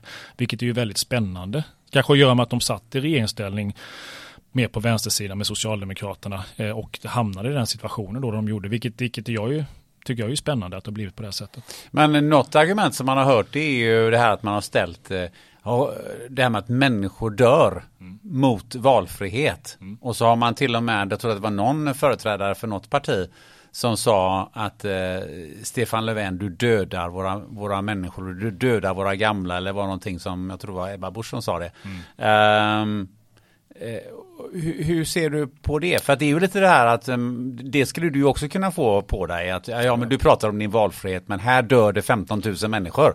Fick, Gillar du det eller? Jag fick ju sådana kommentarer på nätet. Och där är det lite grann den där tennisspelande personen som slänger racket och tar bollen och hoppar över och ger mig fingret. Alltså personer som inte riktigt förstår spelreglerna tycker jag som inte har något argument utav på sak. Det är bara känslomässiga argument. Det är bara dumheter jag menar, håller man på med åldrande forskning som jag har kollegor som jag också så skakar de på huvudet och säger det är ju dumheter. Alltså, vi har en, vissa har en helt orealistisk bild av vad baseline är. Det låter ju som att ingen människa i Sverige dör överhuvudtaget i ett normalt år. Och jämfört med noll, att på något sätt vi skulle vara odödliga allihopa, så är ju 15 000 brutalt. Men om vi betänker hur, hur, hur livet ser ut och liksom hur, vad, vad vi dör av och allting annat, att baseline är inte så himla kul heller. Jag säger inte att vi inte ska bry oss om covid, men alltså då får du ett helt annat perspektiv. Och sådana argument som, som du sa här nu med, med ättestupan och dödsfall, allt, det är klart att inte Stefan Löfven eller Tegnell eller någon annan har dödat folk. Det är ju dumheter på ren svenska. Och tycker man det så är man inte grundad i någon slags liksom resonabel logik alls. De argumenten fick jag också emot mig. Sen om man hade gjort annorlunda, självklart, men jag skulle misstänka det också om killgissning så att oavsett hur vi hade gjort så hade det nog gått ganska illa. Det är, det är, min gissning. Det är många som tror det också från folkhälsomässiga perspektiv att vi hade redan inne så mycket smitta eh, så att det var jättesvårt vad vi än hade gjort. Hade vi stängt ner, och det, var ju, det, det, har vi ju facit på till viss del. Det är många länder som verkligen gjorde det som många har skrikit på i Sverige. De stängde ner så bara skrek om det. Och de har ju haft det jättesvårt med jättemycket dödsfall ändå. Så det är ju något med det här viruset som vi, ett som jag sa i början, vi förstår oss inte på viruset. Två, man förstår sig inte på människor. Där har de två stora problem att röra covid, som gör att det är så himla svårt där. Så att jag sådana, sådana uttryck som man säger, det är, det är, för mig är det bara populism och politik när man slänger ur sig sådana extrema dumheter helt enkelt. Att det, det, det, finns ju ingen logik bakom det att någon har dödat någon med brott mod. Det är ju nästan, det är ju lika illa som konspirationsteori att, att Gunnar eller Magnus eller Bill Gates bara liksom har hittat på det här viset och nu sitter chip i örat på oss för att kunna spåra oss. Det, är liksom, det har ju ingen rimlighet, det är en kul saga. Men det har inte saker. Men om vi tittar på eh, de som, alla de som har varit där ute, du och jag och alla andra, gemene man som det brukar heta. Eh, vi började ju pandemin med, eh, inte du och jag kanske, men med några andra då med att tömma hyllorna på ravioli och, eh, och eh, dasspapper. Just det. Ur ett psykologiskt perspektiv, vad har du för förklaring till det? Men jag tror det är just det här med flockbeteendet, att vi många blev väldigt rädda. Jag tillhör dem, jag kanske inser, jag barrikerar mig väl inte med, med toapapper, men nästan att jag men jag sa till min exfru när jag var här i Göteborg då, liksom att nej, men jag sticker iväg nu när jag börjar förstå vart det barkade den, den veckan i mars här nu. Så var jag mycket mer alarmistisk än vad hon var. Jag sa att hon skulle åka till USA för mig och kollega. Jag ringde henne på kvällen. Det var då det började bli illa den veckan. Jag sa att det finns inte en chans. Du kommer till USA. Du kan glömma det. Hon förstår inte mig alls. Jag går och sticker iväg nu till Hemköp och barrikerar mig. För jag tror det kommer bli illa där. Så jag var ju väldigt alarmistisk i början. Och det kunde man ju tänka sig att jag då som slår slag för, mot pseudovetenskap och kritiskt tänkande, rationellt och allting, att jag borde kunna hålla fanan högt där. Nej, inte en chans för att vi inte visste. Så jag tror det är ganska naturligt att de här mekanismerna kopplas på och att vi dessutom gör som alla andra. Om vi går in i butiken, vi har inga planer på att köpa toapapper. Ja men det är lugnt, det här kommer inte börja illa. Så när vi väl kommer dit in så ser vi folk bara plocka på sig för att andra plockar på sig. Och till slut så blir det någon slags, liksom, då kanske det är bäst också att jag plockar på mig om alla andra gör det. Alla kan väl inte ha fel? Eller kan de det? Nej, det är nog säkrast jag också plockar på mig en extra bal för säkerhets skull. Så det behöver inte betyda att man är paranoid. Och det tror jag inte heller, de flesta var nog inte alls särskilt paranoida på det sättet, utan bara för säkerhets skull. Men varför i hela världen toalettpapper? Nej, alltså jag vet inte om det säger någonting vad man är mest rädd för ska hända. Liksom att du får slut på mat eller får slut på något att torka dig baken med. Liksom vad som är värst egentligen. Men det finns ju inte något jätte... Vad är mest grundläggande för oss kan man ju fundera på egentligen. Men det står väl för någonting antar jag. Jag vet inte.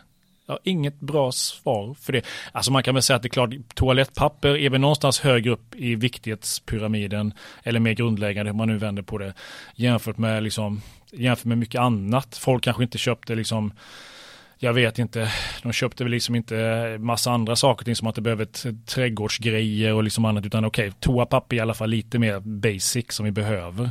Men det har väl också med mat, hade man gått till liksom överlevnadsexpert, Herman Geijer eller någon annan, så hade väl de sagt att det är inte det ni behöver om det blir riktigt illa. Utan fokusera på annat, värme, liksom vatten. Det kommer vara andra grejer som är problem först. Jag lovar er, om det här blir riktigt, riktigt illa, en toapapper, det där löser sig. Men vi är ju inte rationella, utan i boken pratar vi väldigt, väldigt kort om det här med, med eh, ryttaren och elefanten gör vi en liknelse också med att ryttaren som sitter på elefanten, ryttaren är som vårt rationella jag, som vi oftast använder. Elefanten är vårt känslomässiga jag. Och i vanliga fall när elefanten är lugn så kan ryttaren styra elefanten. Vi sätter oss på ett plan och liksom elefanten bara så nu ska vi störta. Då kan ryttaren säga nej, det är lugnt, det kommer inte hända. Men ganska ofta när, när elefanten får fnatt och blir rädd eller är trött eller någonting händer så är den väldigt, väldigt stark. Och sticker elefanten in i buschen så har inte vi som ryttare, vårt rationella jag, särskilt mycket att säga till om. Och det var det som jag tror hände också här. Det är inte liknelse som håller hela vägen med ryttaren och elefanten i vår hjärna, men ändå tillräckligt bra. Att elefanten fick väldigt mycket utrymme och blev väldigt nervös och rädd och tog över ganska mycket för många av oss. Och det är inte särskilt konstigt, utan det hände ju i en upplevd kris. Jag tror nästan var den här känslan den där första, första veckorna i mars, att det var ganska obehagligt för många av oss. Det var en sån här känsla av, av som att det här är någonting som, en sån här o, o, alltså overklighetskänsla verkligen. Och då kickar de här överlevnadsinstinkterna in även hos personer som i vanliga fall är extremt rationella. Ja, men jag tycker det var en intressant liknelse för det för mig lite grann till människors beteende i övrigt. Alltså när, när den värsta eh, toalettpapperkrisen var över.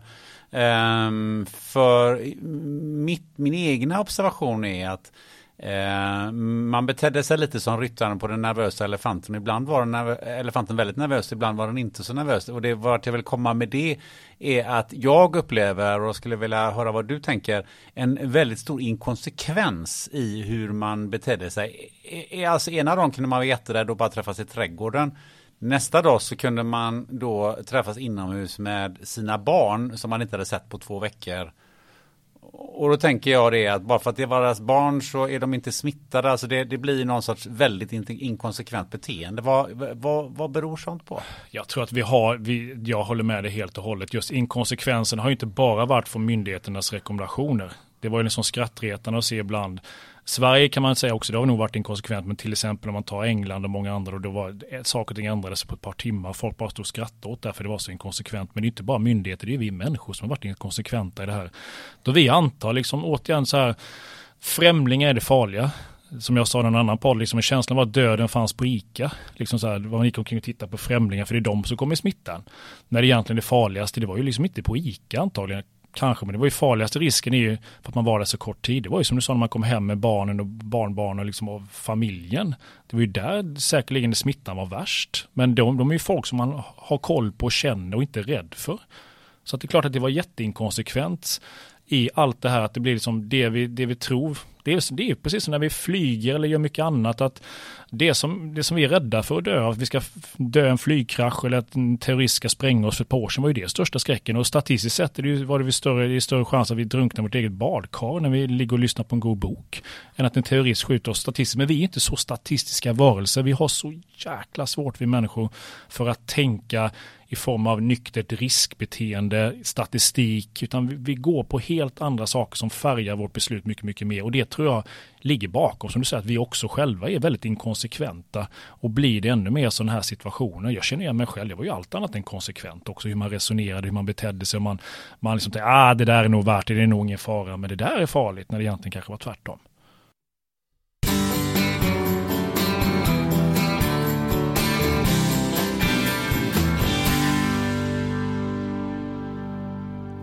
Väntar du eller någon i din närhet barn? Ja, då kanske ni har funderat på om det finns en sannolikhet att barnet har en kromosomavvikelse. Poddens sponsor Life Genomics erbjuder Harmony NIPT, ett genetiskt fostertest med väldigt hög precision för att upptäcka de vanligaste kromosomavvikelserna. NIPT görs på ett enkelt blodprov från mamman som utförs på labbet i Göteborg. Gå in på hemsidan fostertest.se och läs mer. På fostertest.se hittar du också din närmaste vårdgivare som erbjuder NIPT-test. Life Genomics erbjuder även andra tester som covid-19 PCR inför exempelvis din resa eller andra möten. Dessutom erbjuder Life Genomics ett kvantitativt antikroppstest för covid-19 som påvisar aktuell immunstatus. Mer information hittar du på lifegenomics.se. Tack Life Genomics!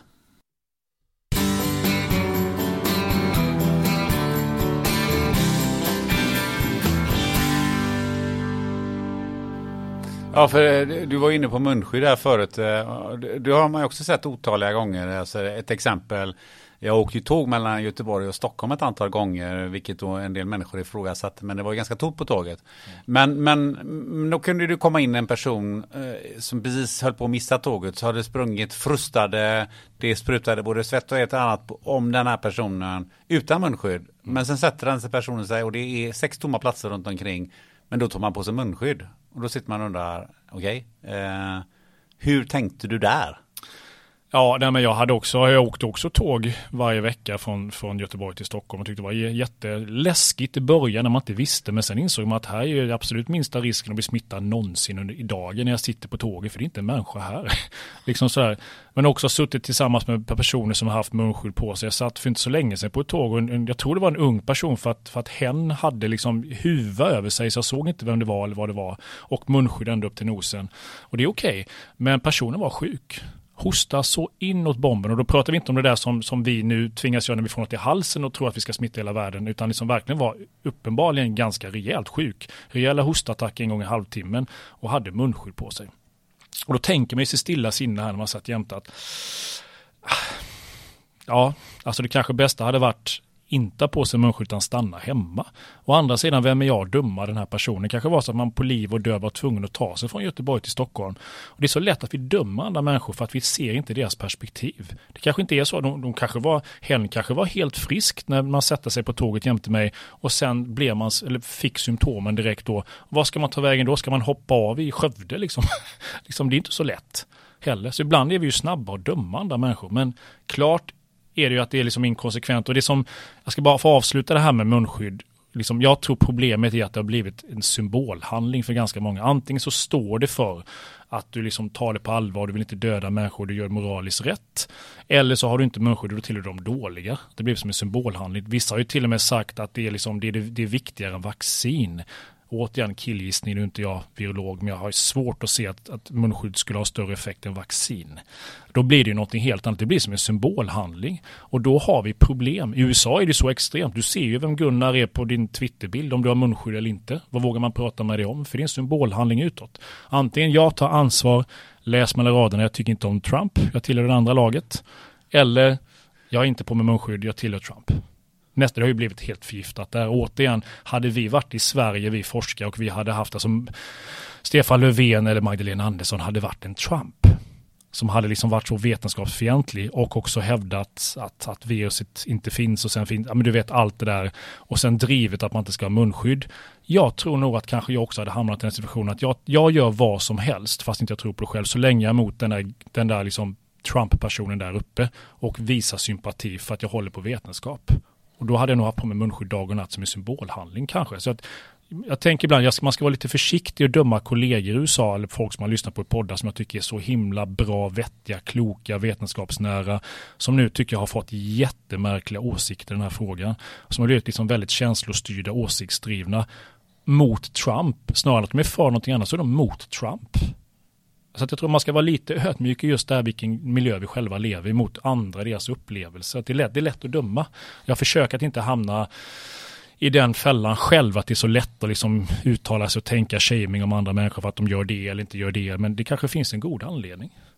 En, en annan sak som eh, ju eh, egentligen handlar om, om individen, eh, var och en av vårt beteende. Eh, det är ju hälsoaspekten i, i coronadiskussionen. Alltså att Eh, om man tittar på, eh, och nu läser jag till att en, en svensk studie från Karolinska institutet som tittar på riskfaktorer bland patienter som intensivvårdats för covid-19 så visar att diabetes, fetma och högt blodtryck har var för sig och oberoende risk, är oberoende riskfaktorer för allvarlig covid. Um, och patienter med flera av de sjukdomstillstånden har ännu högre risk då. Va? Och eh, då när det gäller eh, fetma så, så ökar risken från ett BMI som är 25. Eh, och om man då tittar på lite, på lite siffror som kan vara intressanta, det är ju att 52 procent av befolkning, Sveriges befolkning har eh, ett, eh, ett BMI som överstiger 25. Vi har 500 000 människor som har diabetes och vi har 30 procent av befolkningen som har högt blodtryck. Så kan du lägga till 50 procent som har en hälsofarligt dålig kondition. Mm. Detta är inte någonting som vi hittar på, sitter killgissar här. Nej. Det här är eh, Folkhälsomyndigheten, Karolinska institutet och så vidare. Och jag tror inte det är cherry picking heller och inga halmgubbar heller. Eh, och, och då då eh, blir min fråga, hur tycker du att de här grejerna har hamnat i den allmänna debatten här? Ja, inte så mycket, framförallt inte i början. Eh, men sen har det väl kommit mer och mer när man börjar titta på riskfaktorer. Vi, på GH där jag är i Stockholm också med forskargruppen med Elin Ekblom Back där så har ju också vi en studie som publicerades för ett tag sedan som visar på riskfaktorer kopplat till kondition till exempel. Precis samma sak som du sa då egentligen att det är också en riskfaktor. Och det är ju ingenting som som kommer som en överraskning om man kan hälsa och hälsopsykologi och folkhälsa. Vi vet ju vad de stora riskfaktorerna är för de stora folksjukdomarna och det fanns ju ingen anledning att tro egentligen att det här skulle slå på något sätt annorlunda. Det är samma med, med ojämlikhet, socioekonomisk status. Det har varit extremt ojämnt har det slagit på det sättet också. Precis på det sättet som man kan förvänta sig. Och på så sätt har det här varit en extremt oväntad, alltså man såg inte det här komma, varit väldigt läskigt och svårt att förstå på många sätt som vi pratat om innan covid. Men när det gäller just hälsa och hälsopsykologi och de här effekterna folkhälsa så har det ju andra sidan varit extremt förutsägbart. Vart de där, the usual suspects, de vanliga riskfaktorerna som dyker upp här också. Utan tvekan. Så det där är ju inga konstigheter egentligen. Men jag tycker man pratar ganska lite om det i början, men sen kom det väl länge när man kom över den värsta liksom, fokuset snävt på bara viruset och smittspårning och sådär i början så pratar man lite mer om det, okay, vilka är större risk att drabbas, eh, hur kan man liksom, vad kan man göra själv för, för, för, för att liksom förebygga det här då. Så jag tror det har kommit mer och mer diskussion om det här och där är ju lätt att debatten hamnar lite konstigt. Det här är ju som sagt var stark vetenskap bakom att liksom fysisk aktivitet och liksom fetma och vikt och allting det där liksom är viktiga saker och ting som, som påverkar sannolikheten att du blir riktigt sjuk. Men därifrån till att säga liksom att att liksom livsstil är lika viktigt som vaccin. Alltså var går gränsen där? De argumenten har ju förts upp och det kanske blivit lite, lite väl snett. Ungefär som vissa har sagt att munskydd är lika viktigt som vaccin, vilket jag tror är rena dumheter. Livsstil är ju viktigt, men frågan är hur mycket man kan påverka själv, för det blir ju lätt att man drar de argumenten för långt.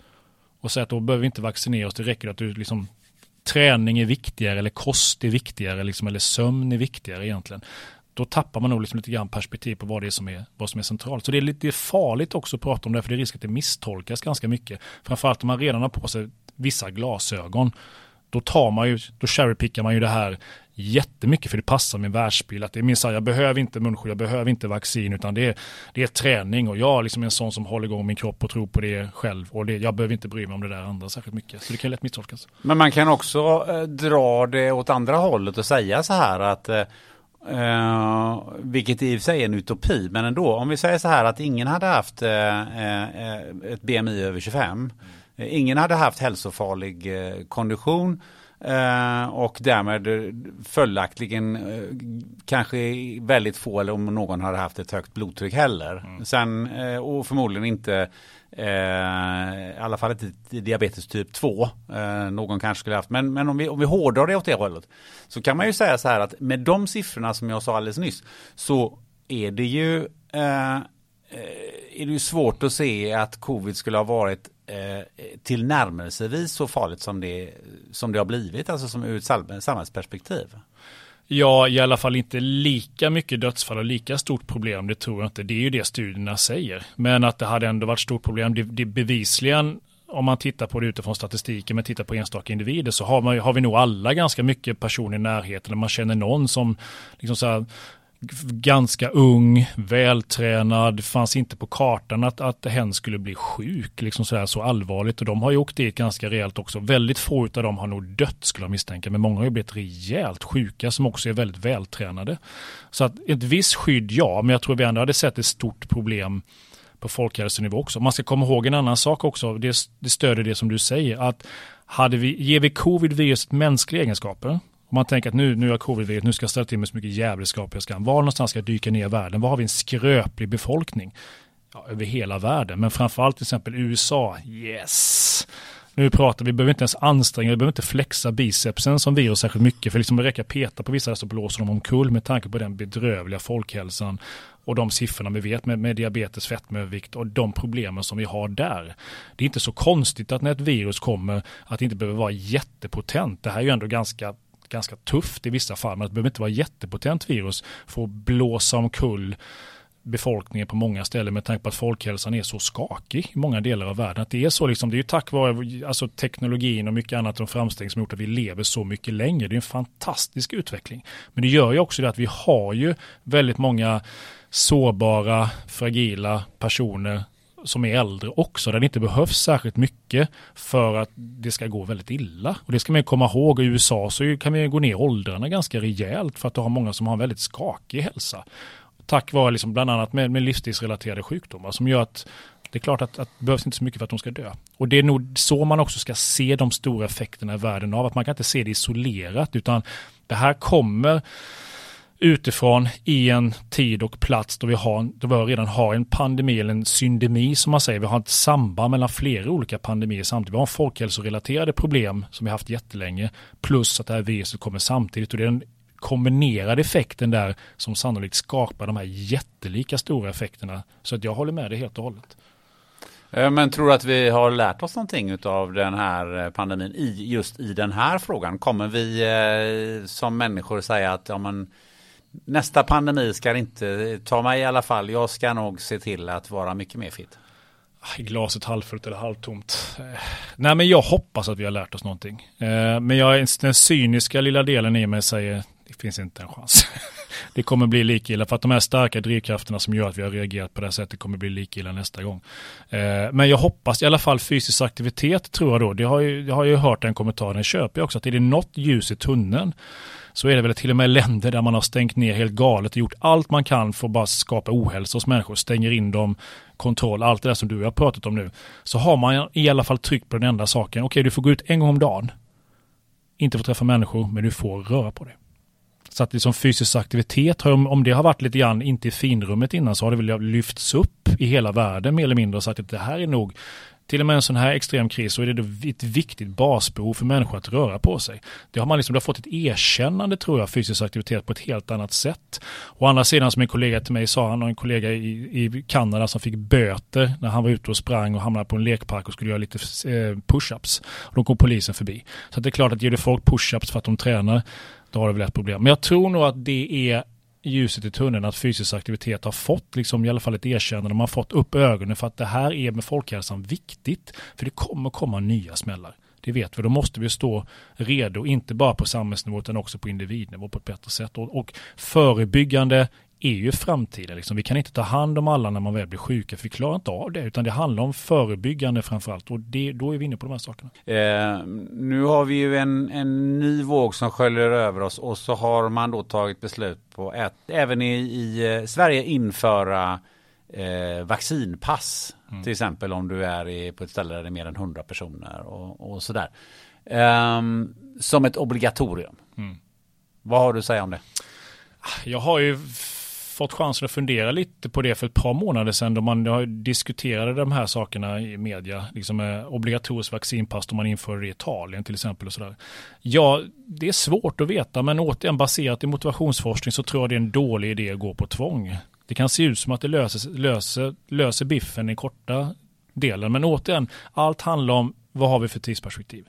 Tänker vi att vi är inne på upploppet och det är sista rycket nu så tror jag man har mycket, mycket mer möjlighet att ta till hårda, alltså tvingande åtgärder faktiskt. Om vi säger att nu är det bara det sista, gör vi det här och det är en engångsföreteelse vi begär att folk ska, bete, ska, ska göra.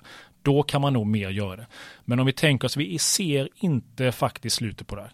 Vi tror vi ser målsnöret där borta, men du ska springa ett halvt maraton till när du är klar då kan man inte begära de här sakerna. Då tror jag det här kommer slå tillbaka skoningslöst. Jag är ju för vaccin, jag är själv dubbeldosad eller vad man ska säga, jag har två doser.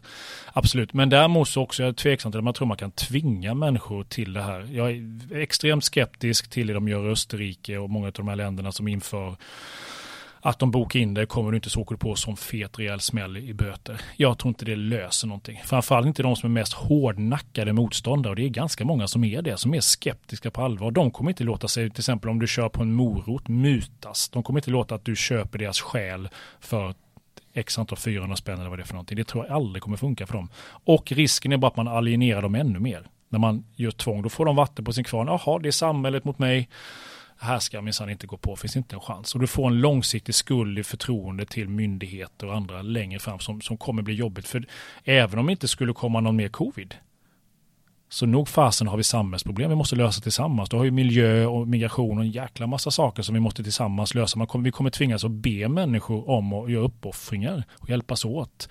Och då får man också fundera på vad har vi bett dem göra innan? Vad har vi liksom, vilka kostnader finns där? Och där tror jag man liksom har byggt in ganska farliga falluckor längst fram som vi inte ser just nu om man går på tvång med vaccinpass. Så jag, jag, är, jag är väldigt skeptisk till att det kommer lösa det. För vissa grupper kanske det är som puttar dem över linjen. Okej, jag går väl och tar min spruta. Jag har inget riktigt motstånd mot det, men det har inte blivit av. Och nu börjar det bli jobbigt för mig. Nu kan jag inte ens träffa mina vänner och sådär. Ah, Okej, jag vill åka utomlands. Då gör jag det. För en viss grupp tror jag det kan funka, men för en för viss grupp så tror jag det är absolut naivt att tro att det här kommer göra någon sån stor skillnad överhuvudtaget. Och det är dessutom farligt. Återigen, you gotta pay the reaper. Du måste betala en kostnad för det du gör. Och det är naivt att inte tro det. Det kommer att kosta längre fram. Är effekten som du gör här då, är den värt den kostnaden längre här borta? Jag är inte så säker när det gäller just eh, tvånget på vaccinpass i alla fall, tror jag inte. Vilken kostnad skulle uppstå? Ja, men just det att man inte har förtroende att du driver de här personerna ännu längre bort. Det är ännu mindre sannolikhet att de kommer vända och, och ta vaccinet. För att nu känner de sig ännu mer tvingade och påhoppade och motarbetade helt enkelt. Så att du låser in dem i en omöjlig position där borta. Snarare än att man lockar dem. Eh, och man får människor liksom att må dåligt. Man alienerar dem, trycker dem längre bort ifrån oss. Istället för att man liksom försöker med, med samtal. Alltså, det är ju en podd i sig du och jag skulle kunna prata om. Hur pratar vi med konspirationsteoretiker? Hur får man personer som är extremt låsta i covid eller någonting annat att faktiskt ändra sig?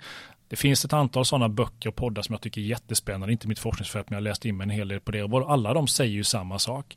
Det vi tenderar att göra, på tal om piska morot, att shamea folk, att berätta vad de ska göra, liksom straffa dem och allting, det kommer inte funka. Det som funkar, det enda som kan funka, det är jättesvårt och det är att sätta sig ner och lyssna. Och det, det, är jättesvårt att lyssna på en person som bara svamlar massa dumheter och som inte har koll och som man blir jättearg när man lyssnar på. Men enda chansen, lyssna på vad Gunnar säger och börja där, skapa förtroende. Det är bara så vi kan få över en person så småningom som är jättelåst i en position, oavsett om man har rätt eller fel. Men varför finns det ett sådant vaccinmotstånd ens? Och nu menar jag inte ur ett eh, medicinskt perspektiv, eh, utan, utan ett beteendeperspektiv. Och det är det, det, det handlar om till allra största delen i alla fall. Eh, varför, är man som, varför är man motståndare mot vaccin överhuvudtaget? Ja, men jag tror att vissa hänger ihop med en världsbild man har. Alltså man har någon slags konspirationsteori-tanke. Det är så man ser världen. Och då är det helt förenligt med att man, om man nu tror att det är faktiskt någon som försöker sätta ett chip i örat på mig och staten försöker kontrollera mig, så det är fullkomligt logiskt, rationellt att jag ska passa mig för, för, för vaccin. Om man har de glasögonen på sig. Det är ju inte på något sätt galenskap, utan det följer, om man har de glasögonen, då blir ju det den logiska konsekvensen. Och det är det som är viktigt att fundera på att sätta sig i deras skor. Återigen, att inte försöka döma från utsidan. Vi kan säga att det är fel, det kan vi vara överens om. Men att försöka förstå hur resonerar de här grupperna egentligen. Och har man de här glasögonen då blir det fullkomligt logiskt i deras värld. De tänker inte så här, nu ska vi säga, nu ska jag gå ut och vara pseudovetare idag. Det finns ju ingen som tänker så. Jag går ut och är väldigt rationell. Det är de på andra sidan där, det är de som inte är rationella. För att jag har på mig de här glasögonen. Så det, det, har man de idéerna med sig så är det helt logiskt att man inte vill ta, att man inte vill liksom ta vaccin. Sen har du säkerligen en massa grupper som liksom inte har tagit vaccinet av andra anledningar som inte har att göra med att de har någon slags konspirationsteori. Det har inte att göra med deras glasögon. Det är liksom att de är, de är fortfarande oroliga. De tycker liksom att de, de har sett negativa konsekvenser av det här på nära håll. De går inte på statistik som vi alla har svårt för utan de går på nära upplevelser och anekdoter. Känner sig olustiga för det här. De kanske har snöat in på någon som har berättat något om man ska vara försiktig. Vissa kanske liksom inte har, vi kan ju inte säga att man inte har hunnit ta sprutan, det är knappt ett argument idag antar jag, men liksom, det finns massa alla möjliga argument säkerligen och drivkrafter som inte är sådär hårdnackade. Så jag tror det är liksom en väldigt, väldigt spretig grupp som vi, som vi pratar om. Men eh, den här typen av konspirationsteorier, eh, har de ökat eller minskat eh, över tid? Eh, jag, alltså jag sätter bara relation till till när jag var yngre så var, så vad jag minns så var det inte så himla många som var mot vaccin. Det kanske var någon Jehovas vittnen eller någon, någon sån där som man hörde talas om. Men, men i övrigt så, så vaccinerar alla sina barn och det var aldrig liksom någon diskussion om det här. Men det blivit en, jag har en känsla av, uh, jag vet inte vad, om, din, om det överensstämmer med, med vad du vet, att, att det här någonstans har, har ökat. Vilket i sin tur man kan fundera över uh, man kan tycka är lite konstigt med tanke på att det är den mest upplysta världen vi lever i just nu. Det är väl både den mest upplysta världen, vi har aldrig haft så nära till information som vi har nu, men vi har aldrig varit så nära och aldrig varit i en situation där vi blir bombarderade dagligen av så mycket desinformation heller. Det ska vi nog komma ihåg, att det har blivit mycket av båda sidorna. Och det tror jag skiljer sig från när liksom bara när jag var så här jag är inte jättelastgammal, men, men när jag var så här 15-20 var det samma sak. Vi hade ju inte inget, inget internet. Liksom. Det fanns ju ingenting så. Det var liksom, hade man en snurrig idé så fick man inte stöd av det. Sina kompisar, de flesta var ju inte konspirationsteoretiker. Det, fick man, det göddes ju inte de idéerna. Idag kan det vara så att du har någon, får in någon slags idé Eh, som inte någon, ingen för din familj har det, ingen i din vänskapskrets, ingen annan. Men du känner starkt, du hamnar i din stam ändå som lever på nätet och det är inte två pers som tycker det utan du är, som, du är flera tusen människor över hela världen som du har din familj med din stam som tycker det. Och det, får ju, det gör det ju psykologiskt, alla de här processerna, att man sluter sig man kanske har en liten konstig tanke när man väl kommer in, men sen blir det mer och mer extrem, man börjar umgås med andra och spegla sig med andra. Och det hade ju inte vi innan internet. Jag tror det är lätt att kasta skit på internet och kalla det internet som ställer till med alla problem. Men till viss del när det gäller det här så tror jag nog det hörs och syns och det får liksom ett, ett utrymme och liksom en infrastruktur som inte fanns innan, att man kunde sluka, sluta sig tillsammans i grupper. Och det här med konspirationsteorier, vad jag har läst i alla fall, det är ju till stor del en social grej. Du måste förstå att vi är sociala varelser och stamvarelser för att kunna förstå varför det blir så starkt. Vaccinkrigarna, den, den dokumentären, alltså om man tittar på den, det här med hur folk sluter sig tillsammans. Att, vad, vad ger det egentligen? Det ger ju, det är väldigt funktionellt. Då säger du, vadå funktionellt? Det ger dig mening. I en värld som är kaotisk så får du plötsligt en mening. Om det är religion eller konspirationsteori eller vad det är för något. Du får en mening, vilket är jätteskönt. Det behöver vi människor. Allt är lugnt och skönt. Nu förstår du saker och ting. Du får en social tillhörighet. Folk liksom som, som ja, helt plötsligt så kommer du in i en familj som du inte har haft innan. Det finns värme. Du får ju allt det som vi behöver som människor. Om du blir scientolog eller om du går med vaccinmotståndare eller vad det handlar om för någonting. Det är inte alls konstigt att människor liksom fastnar i det här i och med att det är det ger så väldigt, väldigt mycket. Sen blir det negativa konsekvenser längre fram, men det är ju extremt viktiga behov som tillfredsställs och det tror jag man ska vara väldigt, väldigt noggrann och, och komma ihåg egentligen. Det är inte, det är inte, det är inte liksom ologiskt på det sättet, det är fullt rationellt och logiskt. I och med att man får någonting som man så gärna behöver, som man antagligen inte har haft. Eller, det är en annan podd, varför unga killar i förorter skjuter varandra. Hur kommer det sig att man går till de här grupperna istället för att gå den långa vägen och gå i skolan och få ett jobb? Liksom, hur kommer det sig att man hamnar i de här destruktiva miljöerna? Säkerligen till viss del, nu kan inte göra det här heller, för att det, det tillfredsställer också vissa av de här centrala behoven som man inte får där utanför. Helt plötsligt så får man en familj, man känner sig kompetent som den här motivationsteorin handlar också. Man blir duktig på någonting, man är någon, man får status, man får liksom sitt broderskap eller systerskap i någonting som man inte haft innan. Det är, det är fruktansvärt starka drivkrafter som inte alls är konstigt att man, man är villig att, att engagera sig i ganska extrema beteenden och ta risker för det här som är så mycket viktigare. Det är inte alls konstigt. Men Magnus, eh, det känns som att eh, du får återkomma en tredje gång. Här har vi ju ett ämne för nästa, nästa avsnitt. Jag får, väl, jag får väl läsa på i så fall lite grann. Det här är ju inte mitt område, jag kan inte så mycket om det. Men just att jag ser det med de här motivationsglasögonen så är det inte så konstigt just allt ifrån då konspirationsteorier, varför folk fastnar till kriminalitet, unga killar, allt, allt det där liksom. Det är inte så märkligt om man tänker egentligen vilka behov som det fyller. Eh vi började den här podden med att du sa att eh, covid var ju lite den, den här perfekta stormen. Mm. Eh, och nu sitter vi här och vi, maratonloppet är inte slut än. Eh, vi kan förmodligen också utan att gissa allt för mycket att det här är inte den sista pandemin som vi upplever, tyvärr.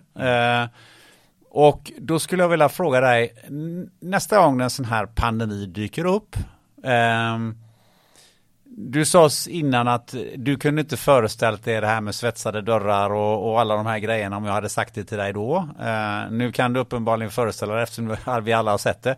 Men, men hur eh, kommer vi att hantera den här pandemin som kommer om en, ja, säg 15 år? Jag hoppas ju att vi har lärt oss någonting av det, men jag är lite rädd. Alltså jag kan ju säga så här, jag är ju räddare för vad det här har gjort med samhällskroppen än vad det har gjort för hälsan på det sättet för viruset. För jag tror det får långsiktiga konsekvenser. Att dessutom extrema åtgärder som vi aldrig hade gått med på innan som befolkning kommer bli mer, mer, mer acceptabla långsamt. Vi är, vi är nästan den, den här liksom långsamt kokande grot, grodan i samhällsgrytan.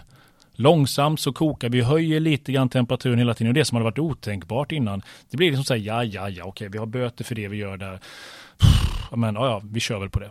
Och så börjar vi som kollektiv acceptera mer extrema saker hela tiden och märker inte till slut när det når 100 grader att vi kokar.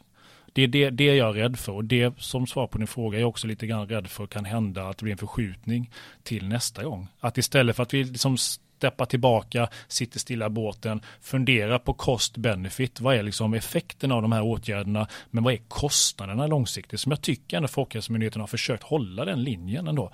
Eh, att vi liksom tappar det och istället liksom bara försiktighetsprincipen, snabba åtgärder först, vi får inte tappa det, du dör 15 000 till, att vi går på den retoriken och tänker det kortsiktiga och liksom lyssnar på elefanten. Jag är rädd för att, eh, att vi kommer kunna gå gå, gå åt det hållet. Eh, så jag hoppas att vi har lärt oss mycket just att kunna se det bredare perspektivet istället för det snävare och tänka långsiktigheten också. Men, men jag vet inte. Om vi, om, om vi är positiva då, eh, om vi ska säga att om vi, vi kommer att hantera den eh, nästa pandemi mycket bättre. Mm. Vad gör vi då? Nej, men jag tror nog, alltså en stor kritik har varit liksom det här med att vi inte varit förberedda. Och förhoppningsvis så har vi väl liksom ett system i samhället överlag då vi är bättre förberedda rent materiellt och rätt liksom hur besluten går och liksom allting, att det är med upptrampade stigar, att vi är mer beredda. För huset har brunnit nu och nu är vi beredda nästa gång. Vi gör inte alla de här småmisstagen som, som, som blev fel. Det hoppas jag ändå att det kommer vara, vi kommer ha mer väloljad maskin för att kunna göra någonting åt det, vilken väg man nu än väljer. Sen framförallt får man väl komma ihåg att vad pandemin har varit, det har varit en fruktansvärt stor vetenskaplig framgång med tanke på vaccinet. Det kan inte jag ta cred för, för jag är inte liksom medicinforskare, men det är fantastiskt att komma fram till så säkert och effektivt vaccin. Vi snackar om 90-95% säkerhet och så lite bieffekter så snabbt. Det är ju helt otroligt. Det är en vetenskaplig framgång utan dess like. Och det tror jag också inte man ska underskatta den fördelen som vi kan ha nästa gång ett virus kommer med tanke på de nya teknikerna.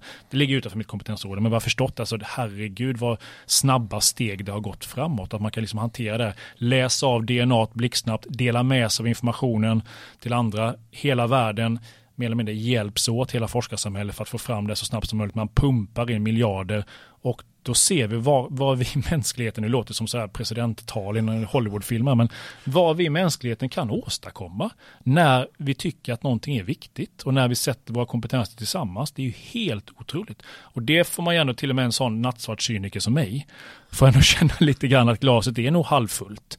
Inför vi kommer stå oss mer redo inför nästa gång.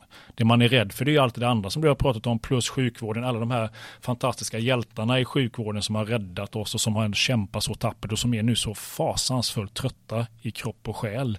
Eh, det är man ju lite rädd för att när det kommer nästa våg igen ganska snart, att, inte, att många där inte kommer orka helt enkelt. Och då, då, då får vi nog det tufft alltså. Ja, det var intressant eh, att prata om eh, det här. Eh, tycker jag. Och jag tycker att det har tillfört väldigt mycket i, i den diskussionen, de funderingarna som jag har gått omkring med de senaste två åren. Eh, du, hur, hur, tycker du att det här snacket har varit? Väldigt, väldigt kul. Jag har en liten känsla här nu efteråt att jag har svamlat väldigt mycket. Svamlat, inte liksom att jag har pratat väldigt mycket och kanske liksom ja, att det har varit väldigt mycket prat och liksom lite mindre struktur. Det tror jag att jag har haft dig som har styrt upp. Jag tyckte det var väldigt, väldigt kul. Jag får hoppas när man lyssnar på det att jag ändå känner att jag har haft som jag sa innan, att jag inte, att jag inte gjort det här, gått emot Clintons device. att jag har liksom uttalat mig inom min, min kompetens. Eller i alla fall det har varit tydligt här att när jag har sagt att okej, okay, nu lämnar jag min professorshatt. Det här bara är spekulationer. Det är åsikter. Och när det har varit liksom att det här känner jag att jag har liksom ganska mycket på fötterna att säga. Men jag tycker att det här är så, jag, jag är engagerad av det, här. för jag tycker det är både viktigt och spännande och och någonting som, som finns i, i, liksom, i vår vardag. Så det är väl värt att liksom fundera på och tycka till. Och det är inte så farligt att, att tycka till om saker och ting heller. Att inte vara överens är helt, helt okej, okay, så länge man har liksom rimliga argument på varje sida och det finns en respekt. Det gick ju så långt i debatten på Twitter, jag kan avsluta det att jag till slut fick kontakt med en av de forskarna som var väldigt mycket på andra sidan. När det blev hets och jakt och allting och han och jag kom överens om att men vi måste, vi började tweetat till varandra, vi, liksom, vi tycker inte samma i det här. Men ska inte vi ha en debatt du och jag? Och liksom bara säga, vi, vi är okej okay med att inte vi är överens, men vi sätter oss ner och, och liksom säger att det viktigaste är att vi kan ha respektfullt samtal som två forskare över det här. För vi har gått vilse, debatten har gått vilse i det här. Och vi hade ju inte hållit med varandra alls, men jag har full respekt för den personen, och Joakim Rocklöv, som håller väldigt mycket på andra sidan. Jag tror jag hade kunnat liksom ha ett väldigt spännande möte och liksom försöka ödmjukt säga, okej okay, du har de glasögon på dig, jag har mina glasögon på dig. Vi tycker väldigt olika i det här, men vi kan ändå försöka mötas som två forskare med olika glasögon i mitten någonstans. Eller kanske inte ens det, men ändå liksom ha respekt för varandras eh, respektive kompetenser. Och det tror jag, det borde vi haft mycket tidigare inte de där hetska debatterna som blev mellan polarisering utan faktiskt personer som satte sig ner, forskare i två fåtöljer och liksom bara pratade med varandra. Att media skulle visat mer av den bilden. Då tror jag kanske man hade kunnat lägga lite mer lugna ner stämningen också på bägge sidor. Det är kanske en eh, debatt som, eh, som vi skulle ha inför ramen för den här podden, kanske till och med filmade så. Ja, du får fråga om det är någon som, eh, någon som är intresserad. Ja, varför jag känner Joakim var väldigt bra för att jag fick en bra kontakt med honom och liksom respektfullt på bägge sidorna och sådär. Liksom. Så att det finns väl kanske bättre eller sämre alternativ på varsin sida att mötas eh, där också. Du, efter det här samtalet så tror jag att det finns en och annan som vill dyka lite djupare i vad det du har sagt och framförallt vad du kommer att säga framöver. Mm. Var, var följer man dig bäst? Ja men det är väl eh, LinkedIn eh, lägger jag ut grejer ganska mycket. Så där tycker jag, det, jag tycker jag gillar det samtalsklimatet. Jag tycker det är väldigt så, men schysst och bra stämning.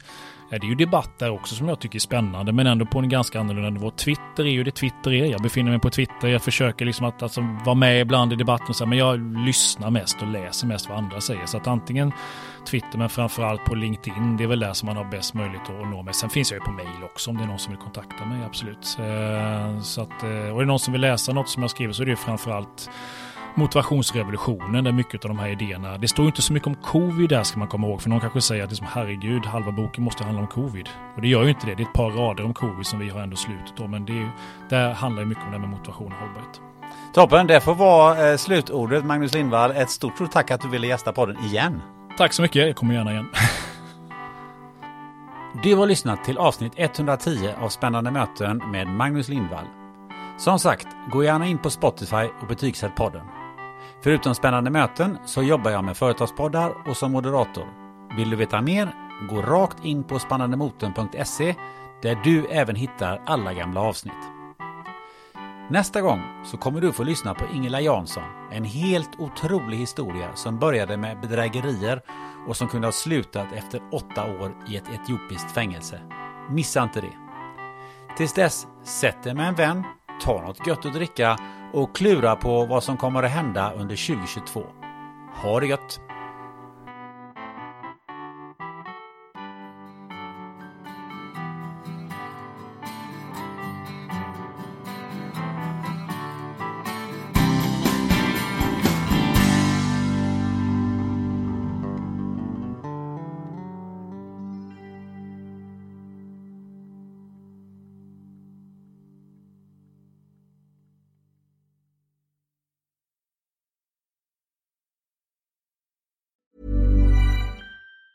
Planning for your next trip? Elevate your travel style with Quince. Quince has all the jet setting essentials you'll want for your next getaway, like European linen, premium luggage options, buttery soft Italian leather bags, and so much more. And it's all priced at 50 to 80% less than similar brands. Plus, Quince only works with factories that use safe and ethical manufacturing practices. Pack your bags with high-quality essentials you'll be wearing for vacations to come with Quince. Go to quince.com slash trip for free shipping and 365-day returns.